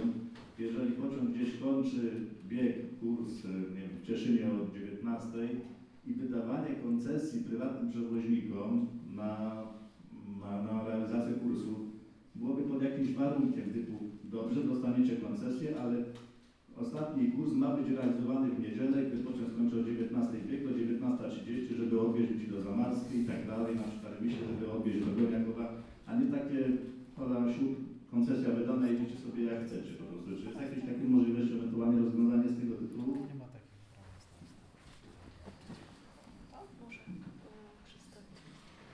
Znaczy, znaczy ja, ja myślę, że pan naczelnik jeszcze bardziej Ja, ja Logicznie może, wytłumaczy. może powiem, po prostu e, w tej chwili, jeżeli jest komercyjny przewóz, e, no to niestety starosta nie ma uprawnień, żeby ograniczać czy nakazywać e, cokolwiek, jeśli chodzi o rozkład jazdy. My, tak jak powiedziałem już wcześniej, próbujemy to w jakiś sposób łagodzić, żeby e, no, była możliwość na radach przewoźników no, wprowadzania dodatkowych kursów, są postulaty w miarę możliwości realizowane przez mieszkańców. Natomiast też w jakiś sposób nie możemy realizować e, e, wszystkich kursów, bo one faktycznie e, są nierentowne i tutaj już no, niestety trzeba by do tego dopłacić. To już jest rola obecnie władzy powiatowej, która musiałaby transport zorganizować i po prostu zawrzeć umowy z, z przewoźnikami i dopłacać im do interesu, bo oni niestety nie będą jeździć poniżej kosztów, to grozi katastrofą już totalną, bo jeżeli oni przestaną, za, e, przestaną jeździć, to będziemy mieć sytuację, że nam uczniowie nie dojadą do szkół, pojadą do innych. I tu jest, tu jest, e, tu jest niestety, e, ja obserwując to od wielu lat, powie, powiem szczerze, że transport cieszyński, jeśli chodzi o powiatowy transport powiatu cieszyńskiego, on opiera się o uczniów. Pracownicy praktycznie nie jeżdżą do pracy transportem zbiorowym. Jeżdżą autobusami, ale to, jest, to są autobusy często firmowe, czyli to są tak zwane regularne kursy organizowane przez konkretnych, e, konkretnych, konkretne firmy, które po prostu dowożą ludzi sobie do pracy. E, To też jest konkurencja dla przewoźników, którzy realizują kursy e, zbiorowe dla nas, natomiast no, niestety no, tu nie ma na to jakby alternatywy i jest e, trudno wyegzekwować, jeżeli, tak mówię, nie dołożymy, nie nie dołożymy im pieniędzy, jeżeli tak wejdziemy jako organizator, wtedy mamy pewne prawa kontrolowania, wymagania, dotujemy, chcemy, żeby było o 22, ma być i będzie. Natomiast jeżeli tego nie, za, nie zadotujemy, to niestety tego nie będzie. Dziękuję. Jeszcze chciałem e, parę słów powiedzieć, bo to, co Pan Naczelnik powiedział, jest bardzo ważne. Zawsze w latach, kiedy byłem burmistrzem, to musieliśmy dopłacać i do tej pory dopłacają samorządy do oświaty i nad tym nikt nie dyskutuje, bo musimy.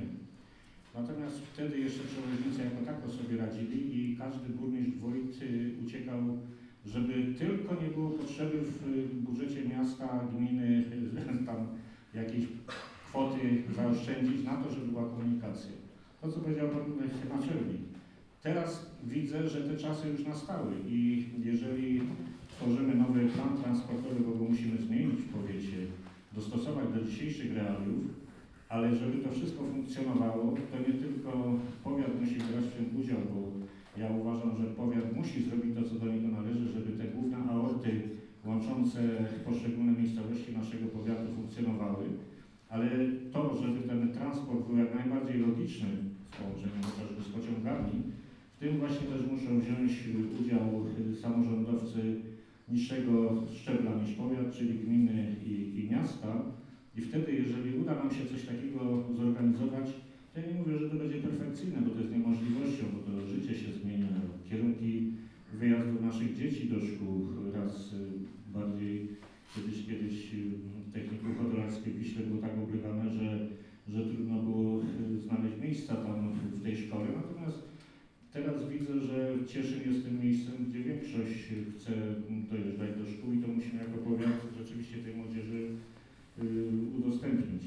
Dlatego jeszcze raz powtarzam i y, rozmawiamy już i widzę, że wśród kolegów byłych burmistrzów i, i, i, obecnych przedstawicieli samorządów już ta świadomość jest, że bez pieniędzy my tego nie zrobimy, tylko te pieniądze muszą być realne, logiczne i żeby one były jak najlepsze oczywiście dla naszych mieszkańców, pasażerów i nie daj Boże, żeby z tych czterech firm, które zostały, jak Pan Naczelnik powiedział, żeby jeszcze z dwie splajtowały, bo ja wtedy nie wyobrażam sobie, y, jakby było to dalej, dalej rozwiązać.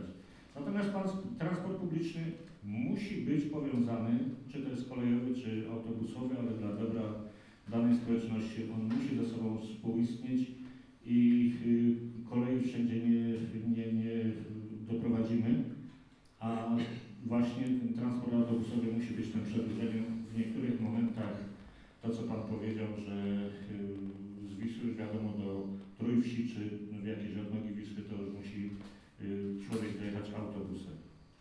Dziękuję bardzo.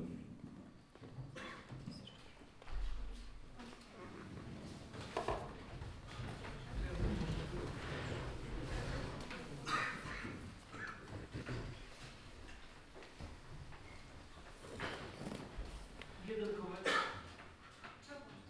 Okej. Jeden komentarz. Kinges, y, dawniej Koleje Śląskie.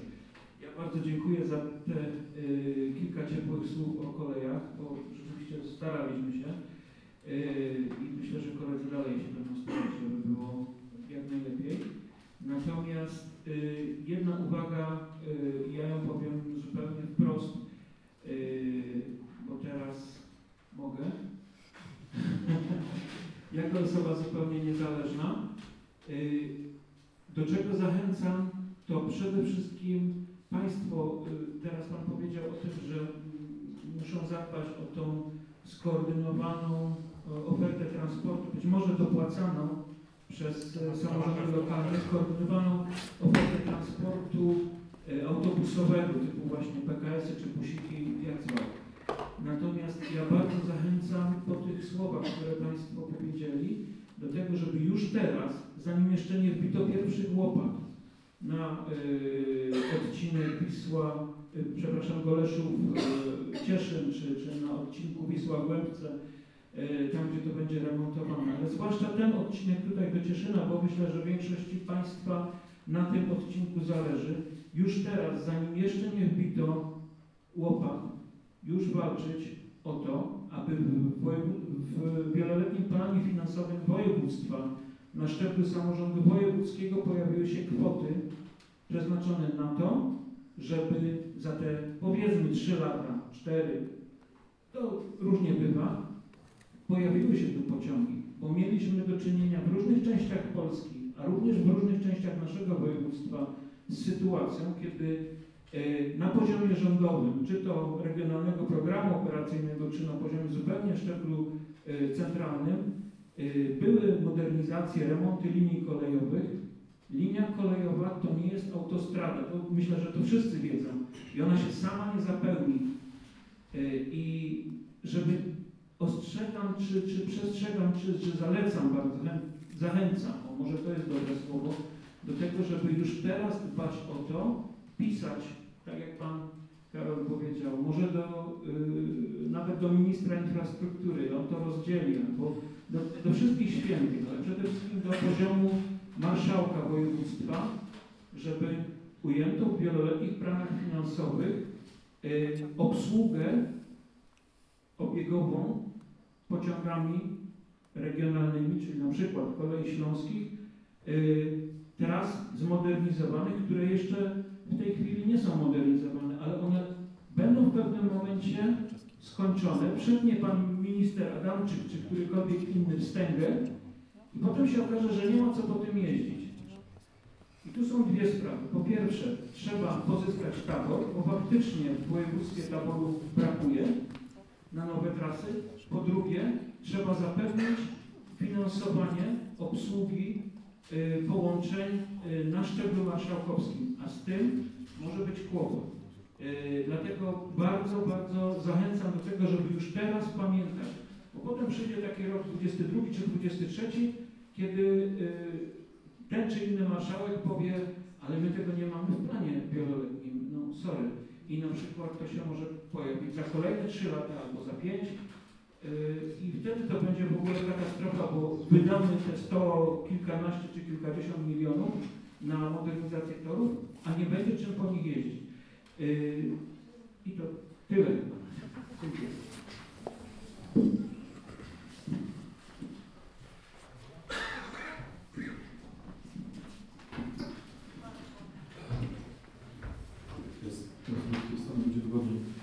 E, pociągnąć ten wątek. E, Pani burmistrz Cieszyna zleciła też mi w moim zakresie e, działań pracy związane z transportem i komunikacją. I to, co powiedział już tutaj przed chwilą pan, pan prezes, e, to miasto zaczęło robić. My przed, e, przed układaniem budżetu, ale także już od początku roku tego 2019 w ramach różnych spotkań, w których bierzemy, bierzemy udział, mówimy i lobujemy za tym, żeby nie zapominać właśnie o zabezpieczeniu środków na odtworzenie połączeń pasażerskich. I teraz kilka takich faktów, o których mm, mogę powiedzieć, o których, które robimy. Pierwsza rzecz jest taka, że e, cieszymy się, że wszystkie samorządy powiatu cieszyńskiego podjęły uchwały albo wyszły z inicjatywą, żeby lobować za tym, żeby znalazły się dodatkowe środki na e, tę tą modernizowaną linię do, do Goleszowa, z Goleszowa do Cieszyna i, i, i do Wisły. Szczególnie, że tam brakowało 100 milionów złotych. Jest podpisany kontrakt. y, 2021 rok, grudzień jest taki termin realizacji. Ale we wrześniu na przykład rozmawialiśmy y, z paroma radnymi wojewódzkimi, którzy przy planowaniu, przy przygotowaniu do prac nad budżetem na, już na przyszły rok, żeby także nowemu marszałkowi y, uzmysławiali to, że jest potrzebne myślenie w województwie w Katowicach o tym, żeby się znalazły środki nie tylko na nowe pociągi po oddaniu do użytku tej zmodernizowanej linii Wisła-Głębce, Goleszów, Cieszyn, ale także na obecny czas, kiedy będzie mniejsza liczba jednak y, pociągów jeżdżących do Wisły na tej modernizowanej trasie, żeby spróbować przerzucić już y, wolne składy na linię Czechowice-Zebrzydowice y, Cieszyn, gdzie na dzień dzisiejszy z perspektywy na przykład gminy Chybie, ostatniej na tej, na tej linii gminy powiatu cieszyńskiego mamy pięć par pociągów w ciągu dnia. Ja na przykład rano staram się jeździć pociągiem, po południu jest różnie, no bo już o 16 jest, jest ostatni, ale wychodzimy z takiego założenia, że jeśli się zwiększy teraz na tej linii, to Trudno będzie zabrać. Dokładnie tak. E, I to jest jeden aspekt. E, Drugi aspekt e, związany z linią skoczów Bielsko. Pamiętam takie spotkanie w pierwszej połowie tego roku z przedstawicielami PKP, PKP PLK, różnych spółek, które organizowały Śląski Związek Gmin i Powiatów. I wtedy zabrał między innymi głos zastępca dyrektora y, Miejskiego Zarządu Dróg w Bielsku, który opracowywał e, taką koncepcję, analizę odtworzenia linii na tym odcinku Bielsko-Skoczów. I mówi, że tutaj samorządy, szczególnie miasto Bielsko-Biała, ale wspólnie z tymi samorządami na tej linii, opracowały taką analizę. Została złożona do poprzedniego zarządu województwa śląskiego na ręce pana marszałka Caługi. Nie przyszła odpowiedź przed wyborami samorządowymi 2018 roku. Zmienił się zarząd województwa i teraz jako samorządy nie wiemy, co dalej z tą koncepcją, nie mamy odpowiedzi. E, I wtedy na tym spotkaniu Katowicach zabrał głos pan dyrektor PKP PLK tutaj regionu południowego i odpowiedział tak. My jako PKP PLK, czyli ten, który zarządza yy, torami, jesteśmy w stanie w naszym wieloletnim planie finansowym wpisać każdą inwestycję, każdą linię do odtworzenia, ale pod jednym warunkiem, że będziemy mieć gwarancję i zapewnienie przewoźnika regionalnego, że po odtworzeniu tej linii będą jeździły pociągi pasażerskie. Dopóki my jako PKP PLK nie dostaniemy jasnej informacji, sygnału od obecnych władz województwa śląskiego, że myśli się o tym wieloletnim planie transportowym województwa, żeby tę linię otworzyć, będzie nam ciężko to, to, to wpisywać. I naszą rolą tak naprawdę samorządów jest lobbować za tym, żeby władze województwa dostrzegły, nie tylko marszałek, ale szczególnie chociażby piątka, szóstka radnych wojewódzkich z tego terenu, żeby w aktualizacji planu tym wieloletnim takie, takie odtworzenie się, e, się, się znalazło. E, I było kolejne spotkanie w starostwie. I ten sam pan dyrektor zadał pytanie już nieobecnemu obecnie, ale posłowi i jak dobrze myślę, wice, które myślą sekretarzy stanu, panu Wosiowi, zadał to samo pytanie. E, Co jest z tą analizą i czy my jako samorządy otrzymamy odpowiedź? I wtedy pan Woś odpowiedział, że on pierwszy raz w ogóle słyszy na, na ten temat i pan zastępca dyrektora osobiście wręczył mu tą analizę. I czekamy jakby też na odpowiedź e, województwa. I teraz jeśli kwestii dopingu. Miasto Cieszyn było uczestnikiem programu takiego pilotażowego Partnerska Inicjatywa Miast y, Ministerstwa Infrastruktury y, i Rozwoju. I w ramach tego pilotażu stworzyliśmy dokument strategiczny w grupie Mobilność Miejska. Nazywa się ten dokument, dokument Miejska Inicjatywa Działania, gdzie szeroko zaplanowaliśmy sobie w perspektywie przynajmniej pięciu lat działania miasta w zakresie komunikacji publicznej wewnątrz miasta, ale także w aspekcie takim powiatowym. Jednym z trzech celów strategicznych mamy wpisany cel strategiczny numer 3 dotyczący lobbingu na rzecz połączeń kolejowych do Cieszyna na tych dwóch, dwóch liniach, które do nas, y, do nas docierają. E, I to też patrzymy z tej perspektywy lokalnej. Wiemy, że jako miasto my nie jesteśmy w stanie sami w tym zakresie działać, ale wspólnie z powiatem. I osobiście uważam, teraz, że tak powiem, wyjdę z butów, y, z butów zastępcy pani burmistrz, zostanę w butach mieszkańca y, powiatu cieszyńskiego. Uważam, że największym wyzwaniem dla powiatu, dla władz powiatu jest kwestia transportu i komunikacji publicznej. Że nie ma innego według mnie wyzwania i to mówię też jako mieszkaniec gminy Chybie ze skraju powiatu, gdzie zanim zacząłem pracować y, w Cieszynie, kompletnie nie pasowało, nie pasowały mi dojazdy. To się teraz poprawia pod kątem komunikacji, ale uważam, że nie ma większego wyzwania dla władz, dla władz powiatu, żeby tak zorganizować transport autobusowy, ale w połączeniu z transportem kolejowym, żeby w perspektywie pięciu lat, gdzie tak pan redaktor powiedział, że te przyzwyczajenia trwają długo. Ja kiedyś czytałem jakieś badania, że od wprowadzenia nowego połączenia do przyzwyczajenia i do pełnej jakiegoś obłożenia to są trzy lata. E, I książka, gratuluję, bo jest świetna. Moja pierwsza refleksja była taka, też takie wkurzenie, smutek, co, co zrobiono, ale nie na darmo któryś z recenzentów mówi, że to powinna być podstawowa lektura wszystkich decydentów samorządowych, kolejowych i, i na biurku i wystarczy, że będziemy wdrażali mm, za, zalecenia czy, czy, czy recepty, które Pan w ostatnim, w ostatnim rozdziale. I to jest też takie nie ukrywam, że dla nas, jak się zapoznaliśmy z tym, że to, co zaczęliśmy robić na początku roku, to też wpisujemy się w ten trend myślenia o komunikacji publicznej. Ja tylko skomentuję to może już bez mikrofonu, żeby odpowiedzieć. E, To opracowanie, o którym Pan mówi, Pana Szymona jak? Oleksiuka. E, Ja go widziałem. E, Ja go widziałem w momencie złożenia, nawet troszeczkę wcześniej. To opracowanie leżało przez rok. Od walentynek 2018 do walentynek 2019 przetrwało wybory samorządowe u pana dyrektora Berkowskiego, dyrektora Wydziału y, Transportu i Komunikacji, który jest w okresie ochronnym przed emeryturą i który nie zrobi nic, żeby coś się z tym podziało. Nie zrobił nic za poprzedniego zarządu i nie zrobił nic za nowego zarządu. Dlatego pan Woś rzeczywiście, faktycznie y, nawet nie znał tego opracowania.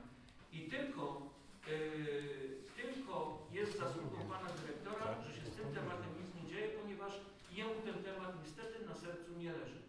Yy, pracownicy jego wydziału w międzyczasie awansowali na dyrektorów zakładów yy, regionalnych przewozów yy, w, we Wrocławiu na też nie są zainteresowani, nie byli i nie są tym połączeniem, czyli reaktywacją linii Bielsko-Skoczów. Od państwa i od radnych faktycznie yy, należy jakby oczekiwać tego parcia na odkurzenie tego raportu i bardzo źle się stało, że przez dwa, czy tam prawie dwa lata już y, ten raport nie ujrzał światła dziennego.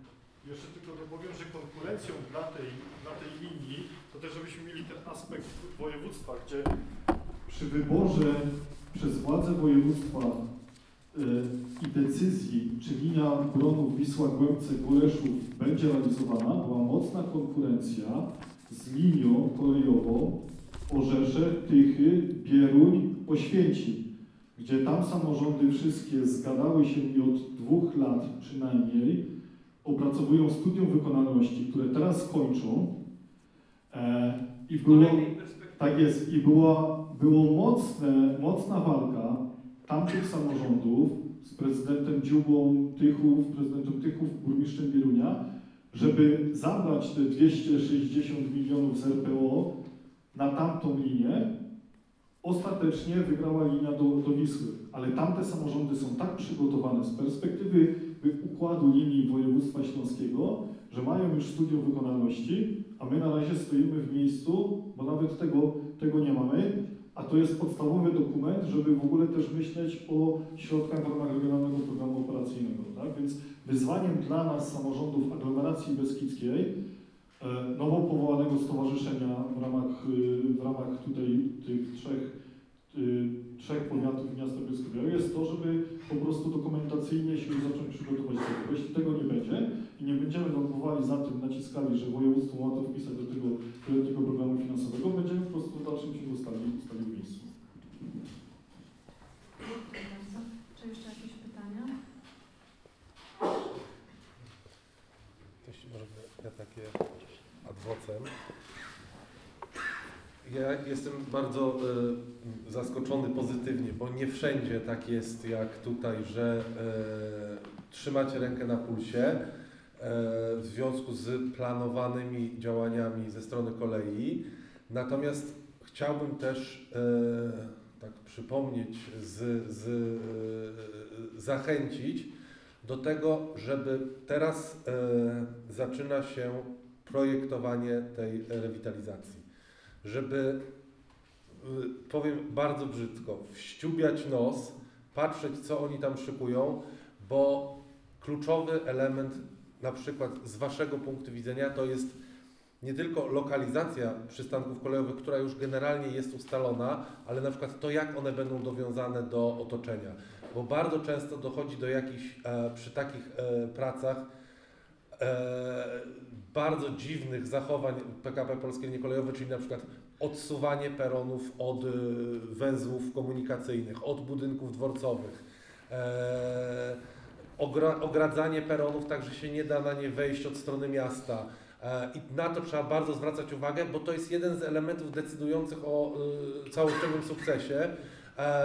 Jeżeli mamy peron z jednym wejściem od strony, która nikogo nie interesuje, to albo ludzie zaczną robić dziury w płocie i to będzie dziwnie wyglądało, albo po prostu nie będą traktowali kolei jako środka transportu poważnie.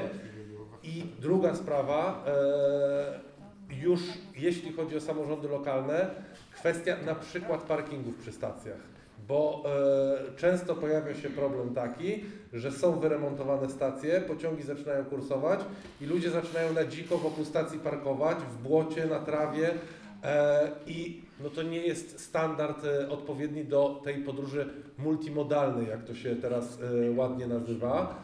E, a żeby rozwiązać problemy transportowe w centrum Cieszyna, brak miejsc do parkowania, trzeba budować parkingi w okolicach Cieszyna, tak żeby ludzie mogli wygodnie dojechać do przystanku kolejowego, zostawić tam samochód i przesiąść się do pociągu i do Cieszyna nie wjeżdżać samochodem, tylko pociągiem. Również jeszcze chciała zabrać głos? E, tak, bo padło tutaj, e, padło tutaj pytanie, padło tutaj pytanie o e, Cieszyn Uniwersytet. O Cieszyn Uniwersytet będzie. E, także my jesteśmy w tej chwili szczęśliwymi posiadaczami już w najbliższym czasie miliona sześciuset też na Brodzińskiego. To będzie e, ulica, która będzie przebiegała w pobliżu bardzo blisko tej linii. E, będzie wyremontowana ta część e, i mostek i dojazd, także no, Cieszyn Uniwersytet to ma być ten przystanek. Niestety Cieszyn Mnisztwo chyba wypadło. E, Tak, nie będzie Cieszyna Mnisztwo, będzie uniwersytet. będzie uniwersytet. Tutaj właśnie dyskutujemy, że to mnisztwo mogłoby też być, ale też z drugiej strony patrzymy na to, jak gęsta jest zabudowa wokół. E, I, I prawdę mówiąc, wydawało nam się, że stawanie tego pociągu, który ledwo co ruszy i znowu będzie stawał, to też powoduje, że ten pociąg w sumie jedzie potem długo. No, no ale uniwersytet, Cieszyn Uniwersytet będzie, nasi studenci będą mogli wysiąść na tym przystanku i mieć blisko. E, Także zobaczymy. Myślę, że będzie dobrze. Przynajmniej z kolegą. E, Natomiast to, co Państwo mówicie, to połączenia, my, my się też e, spotkaliśmy, to tak, tak naprawdę od e, transport w Cieszynie też jest oparty o Zakład Gospodarki Komunalnej, który organizuje nam te 10 linii, które mamy. No tutaj też jest cały czas dyskusja i problem z tym, żeby rzeczywiście jednym autobusem przejechać. Tak naprawdę nie zintegrowaliśmy tego naszego transportu jeszcze z naszym węzłem przesiadkowym. E, I tylko cztery nasze linie tam e, wjeżdżają, a dla mnie węzeł przesiadkowy to jest węzeł przesiadkowy. To wysiadam z autobusu MPK, który mnie przywozi spod domu e, wsiadam do pociągu czy do autobusu dalekobieżnego. Także to jest jeszcze przed nami. Tu jest dużo więcej problemów, ale też tutaj takie założenie przez pewien czas było, że patrzymy na te linie, które nam się najlepiej opłacają. E, jak nie, no to rezygnujemy z części linii. I to był taki kierunek, który nas troszkę przeraził, e, bo rzeczywiście skoro wprowadzenie systemu e, kasowania biletów naszą kartą miejską miało powodować to, że zbadamy strumienie pasażerskie i potem będziemy wybierać, co nam się opłaca, co nie, to właściwie możemy zacząć już zamykać ten zakład od razu. Więc my jesteśmy na tyle odważni, a przynajmniej na razie nam starczy na tyle odwagi, żeby jednak iść w tym kierunku, że jak będzie więcej, to będzie więcej. I taką mamy nadzieję. Jeśli będziemy po Cieszynie mogli jeździć e, autobusami co 20 minut, to nie będzie potrzeby jeżdżenia, e, wjeżdżania do miasta e, samochodami, a tym samym będziemy mogli spełnić to marzenie, które mi tam gdzieś kołacze i które mi się co jakiś czas obrywa, czyli wyłączenie e, centrum miasta z ruchu. E, To jest jeszcze przed nami na pewno e, będzie dużo dyskusji i długo dyskutowane też e, w jaki sposób i tak dalej, ale taki kierunek sobie założyliśmy. E, No i będziemy się starać, żeby to do tego po remoncie ulicy Głębokiej doprowadzić. Bardzo? Ja mam pytanie do Pani Burmistrz, bo skoro y, tutaj Pan Naczelnik pamięta, jak się robił góra w Cieszynie czy miasto planuje rozbudowę tam jakiejś infrastruktury parkingowej, bo miejsce tam jest. To by było miejsce, gdzie ludzie przyjeżdżający od Uskonia mogliby spokojnie stawić auto i obsłużyć sobie robić centrum miasta. Więc moje pytanie jest, czy, po prostu takie, takie plany są. Biorąc, pod- biorąc pod uwagę plany PKP, e, w poprzedniej kadencji opracowano dokumentację techniczną projektową na budowę, przebudowę ulicy Brodzińskiego od Stawowej do Bielskiej wraz z Nowym Mostem. Przystanek jest y, przez PKP PLK planowany w rejonie ulicy, ulicy Brodzińskiego. E, otrzymaliśmy dofinansowanie z Funduszu Dróg Samorządowych.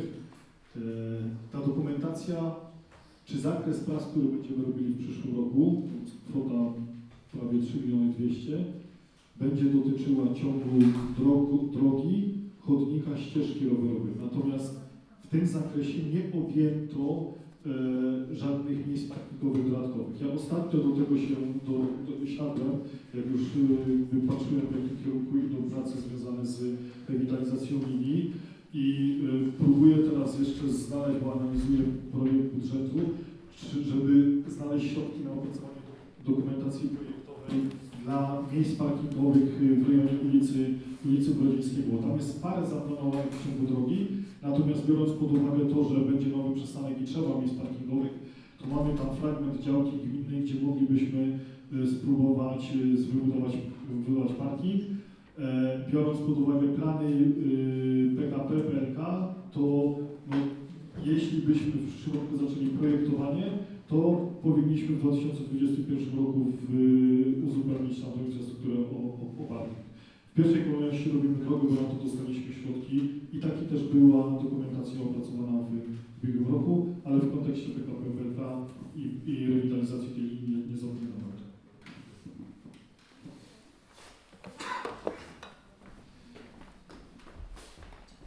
Ja mam takie bardzo krótkie pytanie, to jest też taki e, sygnał od innych moich znajomych, problem, ponieważ sama codziennie dojeżdżam prawie codziennie do pracy autobusem i korzystam też z dworca. E, Dziwi mnie to, że ten dworzec jest otwarty w godzinach 6.22, kiedy pierwszy autobus odjeżdża chyba po 5, a ostatni odjeżdża po 22, 22.25 dokładnie do Bielska i chyba jeszcze jakiś pociąg do, do Frytku Mistku. Zastanawiam się, czy e, nie ma możliwości, żeby ten dworzec był otwarty w godzinach, e, w których są tam pasażerowie, bo nie ukrywam, że kiedy jest zimno albo pada deszcz, to nieprzyjemnie się siedzi pod tymi wiatami, a czasami trzeba poczekać, bo te autobusy lubią się spóźniać. E, Czasami ktoś chciałby skorzystać z toalety i e, czy jest szansa, żeby ten dworzec był po prostu otwierany w godzinach, w których funkcjonują jakby też e, te wszystkie przejazdy. I to chyba tyle z mojej strony. Oczywiście możemy na to popatrzeć. Myślę, że jesteśmy przed umowę mamy do końca marca, także będziemy przy okazji, przy okazji nowej umowy e, patrzeć też na te, e, na te godziny, dobrze? E, Myślę, że, że to już pora, żeby powoli kończyć spotkanie. Bardzo dziękuję Państwu za przybycie. Bardzo dziękuję Panu Karolowi, że e, zechciał przyjechać do nas i podzielić się tak ważnymi informacjami. Ja myślę, że e, ta debata, choć krótka i w może nie, tak, nie w tak dużym gronie, jak byśmy sobie życzyli, jest bardzo ważna. Myślę, że każda rozmowa na temat transportu, na temat y, trudne jest y, jakby początkiem dyskusji y, później społecznej, więc za to bardzo dziękuję. E, Bardzo Państwu dziękuję za zabranie głosu E, i miejmy nadzieję, że ta dyskusja będzie dalej trwać i takie debaty jeszcze będziemy mogli organizować. Dziękuję bardzo. Dziękuję bardzo. również dziękujemy.